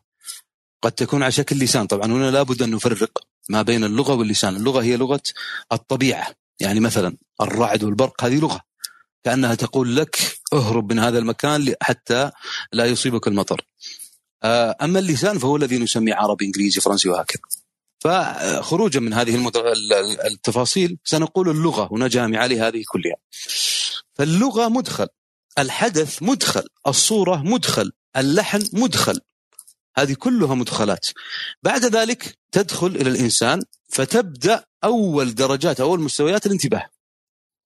إذا دخلت في مستوى الانتباه فهي دخلت في الوعي إذا لم تدخل فهي دخلت في اللاوعي أي المخزون الموجود في الذاكرة سواء كانت الذاكرة قصيرة المدى أو البعيدة المدى الآن الفكرة إذا أصبحت في اللاوعي فهي لا تدخلها المبادئ الكبرى في اللغة الإدراكية. أولها الاختيار والتركيب كما قلنا. إذا دخلت في الوعي فتبدأ في الانتباه ثم في الوظائف ثم في الأقسام الأربعة. ليست في الوظائف العشرة في الأقسام الأربعة. ولعلنا ذكرناها مرارا. هذه الأقسام الأربعة هي التي تمركز اللغة عن طريق الجهاز العصبي وتنقلها عن طريق عصبونات معينة إلى الدماغ. هذه الفكرة الآن لابد أن نفهم أيضا ولعلكم تعودون أيضا إلى المساحة التي قلناها قبل كذا قبل هذا في الجسم الثفني. والتجارب التي حدثت في أيضا في جامعة كامبريدج البريطانية. من أن هذه الفكرة الآن إذا أخذت الآن في موقف معين الآن أصبحت الآن أمام موقف معين. الموقف المعين هذا إذا كنت هنا سأنصرف إلى الوعي فأنا سأقول ما نسميه في النحو جملة مفيدة. أي أنها مختارة من المخزون ومركبة تركيب سليم. جاء مثلا على سبيل المثال آه كيف حالك يا أبو سعد؟ مركبة تركيب صحيح. ولكن إذا قلت سعد أبو كيف حال؟ هذه مركبة تركيب صحيحة لا, لا. إذا الجملة غير مفيدة. قس عليها كل شيء يعني لكن أعطي مثال بسيط. في حالة الانفعال نحن لا نتجه للوعي أي للعمليات الإدراكية لا نتجه للاوعي فنأخذ من المخزون لكن لا نركبه ونرتبه بطريقة توحي بأنه جملة مفيدة. فالذي يقوله المنفعل هو بداخله. بداخله. يعني لا يوجد شيء اسمه زلة لسان. لا يوجد شيء اسمه آه مثلا هذا ما يمثلني. لا لا لا. لكن يوجد شيء اسمه لم أقصد. هذه هي القصدية التي يريدها جون سير. جون سير هنا فرق ما بين أمرين. وهذه مهمة جدا ولعله تجاوز الظاهراتية بهذه الفكرة الظاهراتية التي أسسها هوسرل وهي أن الوعي قد يكون قصدي وقد لا يكون يعني أنت قد تعي ما تقصده وتقصد أو تقصد ما لا تعيه. على سبيل المثال أنا الآن حزين. ليش يا فلان أنت حزين؟ ما أدري والله ليش حزين. هذه تصير لكل أحد. يعني أنت اليوم أنا حزين. يعني أشعر بحزن. لماذا؟ ما أدري. أنا مبسوط. ليش؟ ما أدري. طبعا بول فاليري هكذا هامش في أسفل الصفحة وهو من كبار الفلاسفة الأدباء الفرنسيين يقول إن أجمل شيء في الحياة هو ما لا يعرف.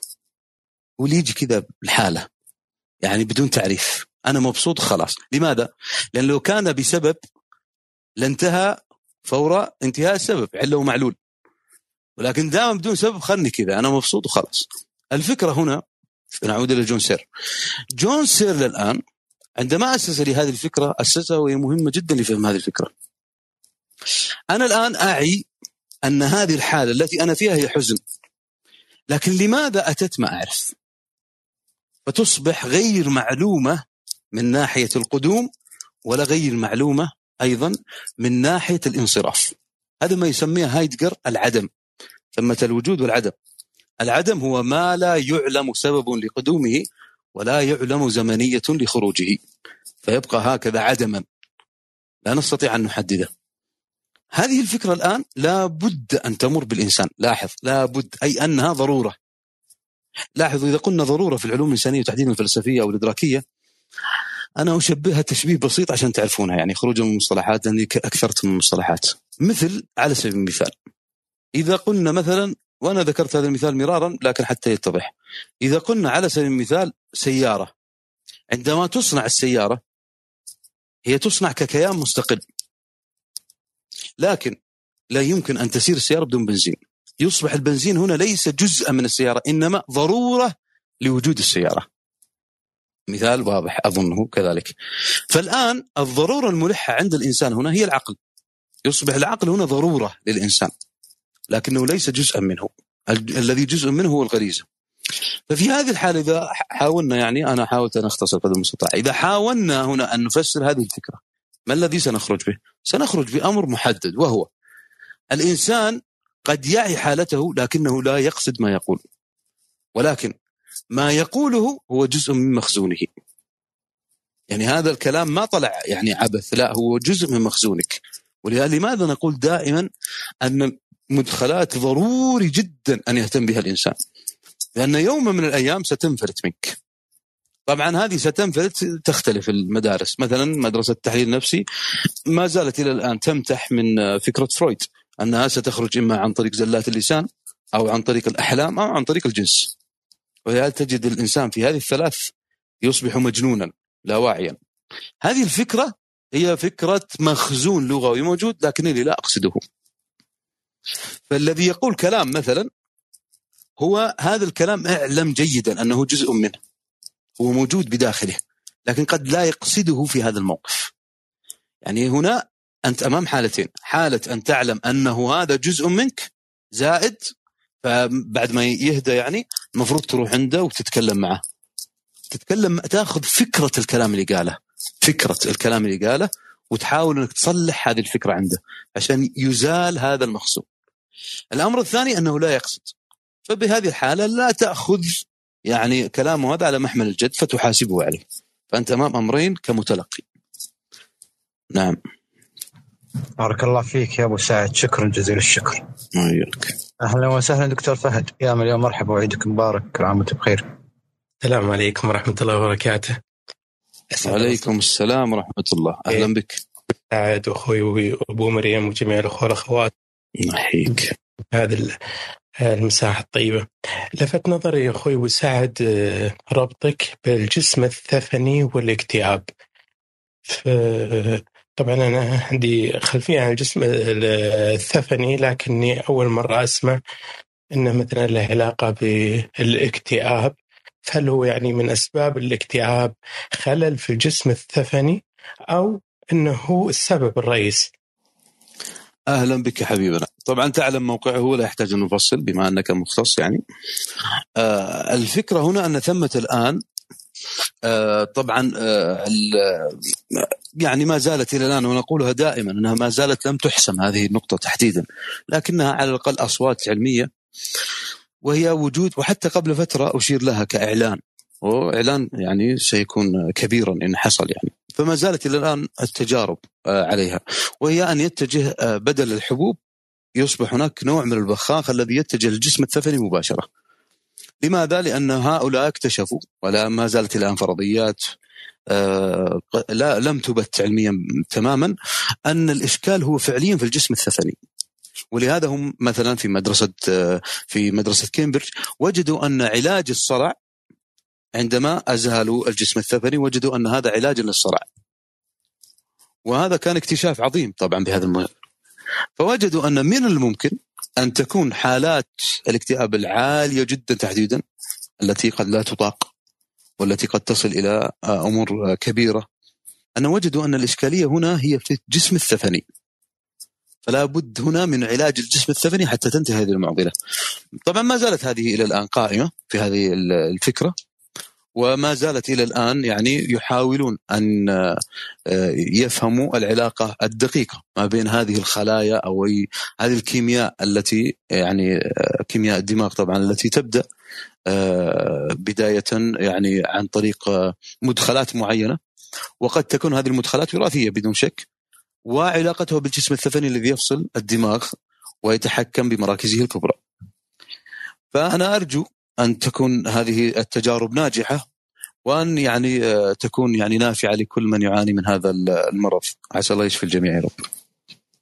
جزاك الله خير وسعد يعني أنا أعرف أن بالنسبة للجسم الثفني هو اللي يوصل ما بين آه، جزئي الدماغ اللي هو العقلية والكهرباء صح. فطبعا الناس اللي عندهم تشنجات أو شيء ممكن أنه يسوي عملية بسيطة يعني يشال جزء بسيط من الجسم الثفني على أساس للسيالات العصبية.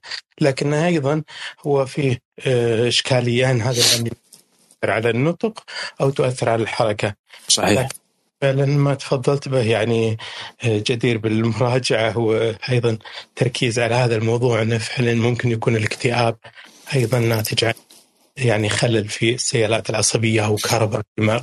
شكرا لك أبو سعد ما قصرت الله يحفظ عمرك وياك يا حبيبي ومنك نستفيد. أنا والله حتى أنا متفائل كثير بهذه الأبحاث وأرى أنها إن شاء الله أنها جديرة بأن تكون حلا ناجعا لأنها فادت كثيرا في مسألة الصرع.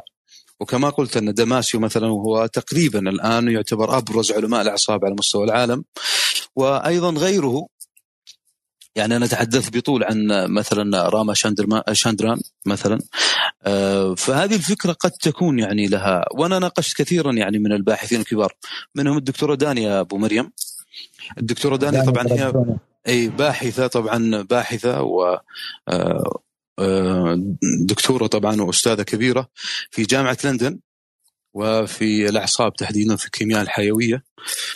فالأسبوع الماضي أيضا آه، زودتني بأبحاث يعني أنا أعتبرها يعني فرج عظيم حقيقة في هذه المسألة. فأنا أرجو أن تكون المرحلة القادمة ستكون إن شاء الله يعني فيها مبهجات كبيرة. اللهم آمين تسلم والله دكتور فهد حبيب وعاش شكرا لك يا حبيبنا فهد ومن كان طيب، نستفيد طارق، خلني باخذ من الخاص أسئلة عندي كثيرة. السؤال آه، لا أعلم هل يتعلق بالبنية النفسية أو لا. هل الإنسان سيدا على عقله أم عقله سيدا عليه؟ وإذا كان عقله سيدا عليه هل نستطيع أن نقول إنه إنه ليس حرا؟ وهل يجب على الإنسان أن يكون سيدا على عقله أم العكس؟ لا ليست بهذه الصياغة، هذه صياغة أدبية جميلة لكنها لا نستطيع أن نقول هذا، هي عملية كاملة من التفاعل الداخلي. ليس هناك سيد و... وعبد لنقول نقيض السيد يعني. فما في شيء لو قلت الإنسان سيد عقله من هو الإنسان إذا؟ ما المقصود بالإنسان؟ يعني هل لابد هنا لا يكون الإنسان كله في مقابل شيء منه. ما تستطيع أن تقول هذا كأنك تقول الباء البيت سيد على الباب. هو الباب جزء من البيت. نفس الفكرة. فأنت هنا تقابل ماذا بماذا؟ المقابلة مهمة جدا. المقابلة الموجودة الآن هل القلب أم العقل؟ هذا هو هذه المقابلة الآن المقابلة علمية بالمناسبة أن القلب هو السيد وليس الدماغ يعني هنا سنستخدم الدماغ لا نستخدم العقل باعتبار أن العقل هي عملية تفاعليه لكن الدماغ هنا باعتباره عضوا فما الذي يسيطر على الإنسان؟ هل هو قلبه عمليات القلبية هي التي فيها الإدراك أم العقل؟ أنا أتجه للأعصاب والعقل والدماغ يعني. لا أميل ابدا إلى مسألة القلب هذه ولست مقتنعا بها ابدا حتى الآن. لاحظوا حتى الآن أنا أقولها من باب الأمانة العلمية. ولكن أعرف أن هناك مدافعين شرسين حول هذه الفكرة فكرة القلب.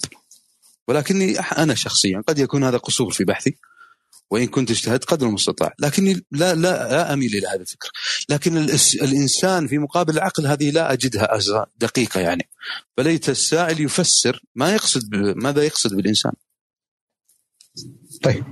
سمعنا السائل ويا إنك تفسر لي في الخاص اطلب من الإخوان اللي دزوا لي في الخاص الأسئلة اللي ما سألتهم ولا أخذوا إجابتهم من حديث طارق آه، يرسلوا لي لو نقطة فقط في الخاص عشان ما في إشكال حتى لو في المرات القادمة يعني ليس شرطا طيب. الآن هي طيب. سلسلة نعم آه ذكرت الأستاذ طارق عن منطقة المشاعر خلال حديثك، السؤال هو ليه ما ينفع أن نقوم بمنطقة أو لماذا لا نمنطق المشاعر أو نحاول جعلها منطقية؟ هنا ستؤدي إلى اضطراب نفسي أيضا. نعم نتعقلها لأن هي المشاعر أصلا مختصة بالعمليات الادراكيه، اذا هي مرتبطة بالعقل. العاطفة التي لا ترتبط بالعقل. العاطفة هي نبضات كهر عصبية فقط لكن منطقة العقل بمعنى جعلها كأنها منطق هذا سيكبر الإنسان أيضا ما, ما يستطيع أصلا الإنسان عليه يعني سيخرج تمام مسألة اللذة إذا كانت هذا مفهوم يعني كلي عند الإنسان سيصبح عسير ستصبح الحياة الحياة عسيرة جدا عليه حتى في الطعام. لأن هذا المفهوم إذا كان كلي لابد أن ينبثق إلى كل ما يخص الإنسان يعني كأنه شامل كأنه سقف أعلى كأنه مظلة. بهذه الطريقة سيصبح حتى في طعامك لن آكل إلا المفيد وليس اللذيذ. طيب اللقاء مثلا سأطلع مثلا مع أصدقائي لا. بتقول أنا مبسوط ومستانسين؟ بطلع لا لا ما في شيء اسمه مبسوط. ما هي المحاور التي سنتخذها؟ ما الذي سنتحدث عنه؟ أين س... هذا التعقيد لا يستطيع عليه الإنسان. يعني فلهذا منطقة المشاعر بالمعنى الدقيق للمنطق يصعب جدا على الإنسان فعله. نظريا ممكن جميل حلو بس واقعيا لا.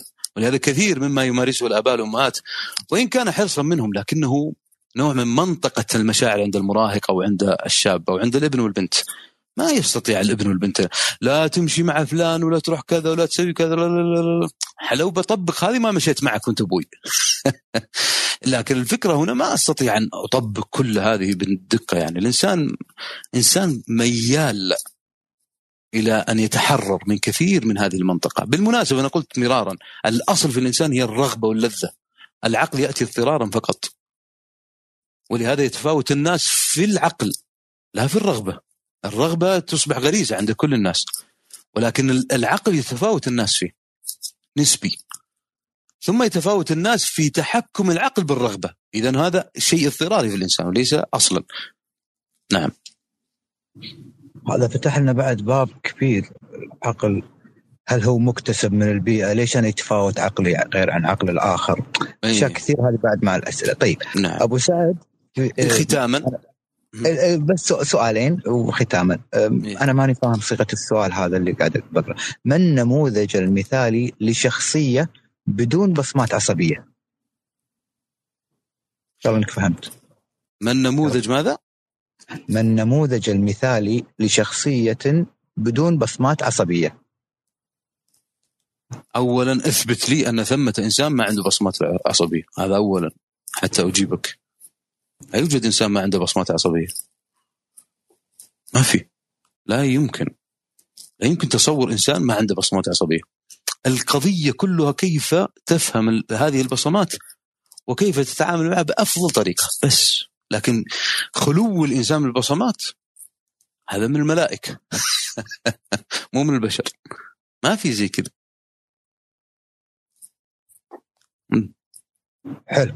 طيب أه قبل الختام السؤال الأخير أه عندي سؤال ما أدري إذا له علاقة اليوم ولا لا بس وايد محيرني هالايام إذا في مواقف بالماضي ما لها أي تفاصيل ولا أتذكرها مع العلم اللي عاشوا معاي هالشيء هذا يذكروني بتفاصيل وأنا ما أذكر شيء منه. يعني أنا أتألم مثلا من أمر معين. طيب؟ أنا ما أذكر تفاصيله بس إذا شفت فلان أتذكر الألم لا أتذكر التفاصيل كذا؟ لا لا لا. بمعنى الحين أنا واخوي يوم كان عمرنا 17 18 سنة إيه؟ سوى يعني رحنا مكان ولا رحنا ولا صار بين بيننا حدث. بعد إيه؟ عشر سنوات أخوي يذكرني بالموقف هذا بالتفاصيل. أنا ما أذكره. أنا يا صاحب الحاجة أنا ما أذكره. طيب. شنو ليش هالامر هذا؟ لأنك إنسان عادي طبيعي تنسى. بس بس. مو كل شيء ترى ممكن يكون معضلة. في أشياء طبيعية. أنا إنسان انسى ما في أي إشكال. يعني أنا ممكن أطلع أنا وياك. أنا ما على سبيل المثال. تقول تقول تذكر فلان اللي كان يدخل معنا لا والله ما أذكره.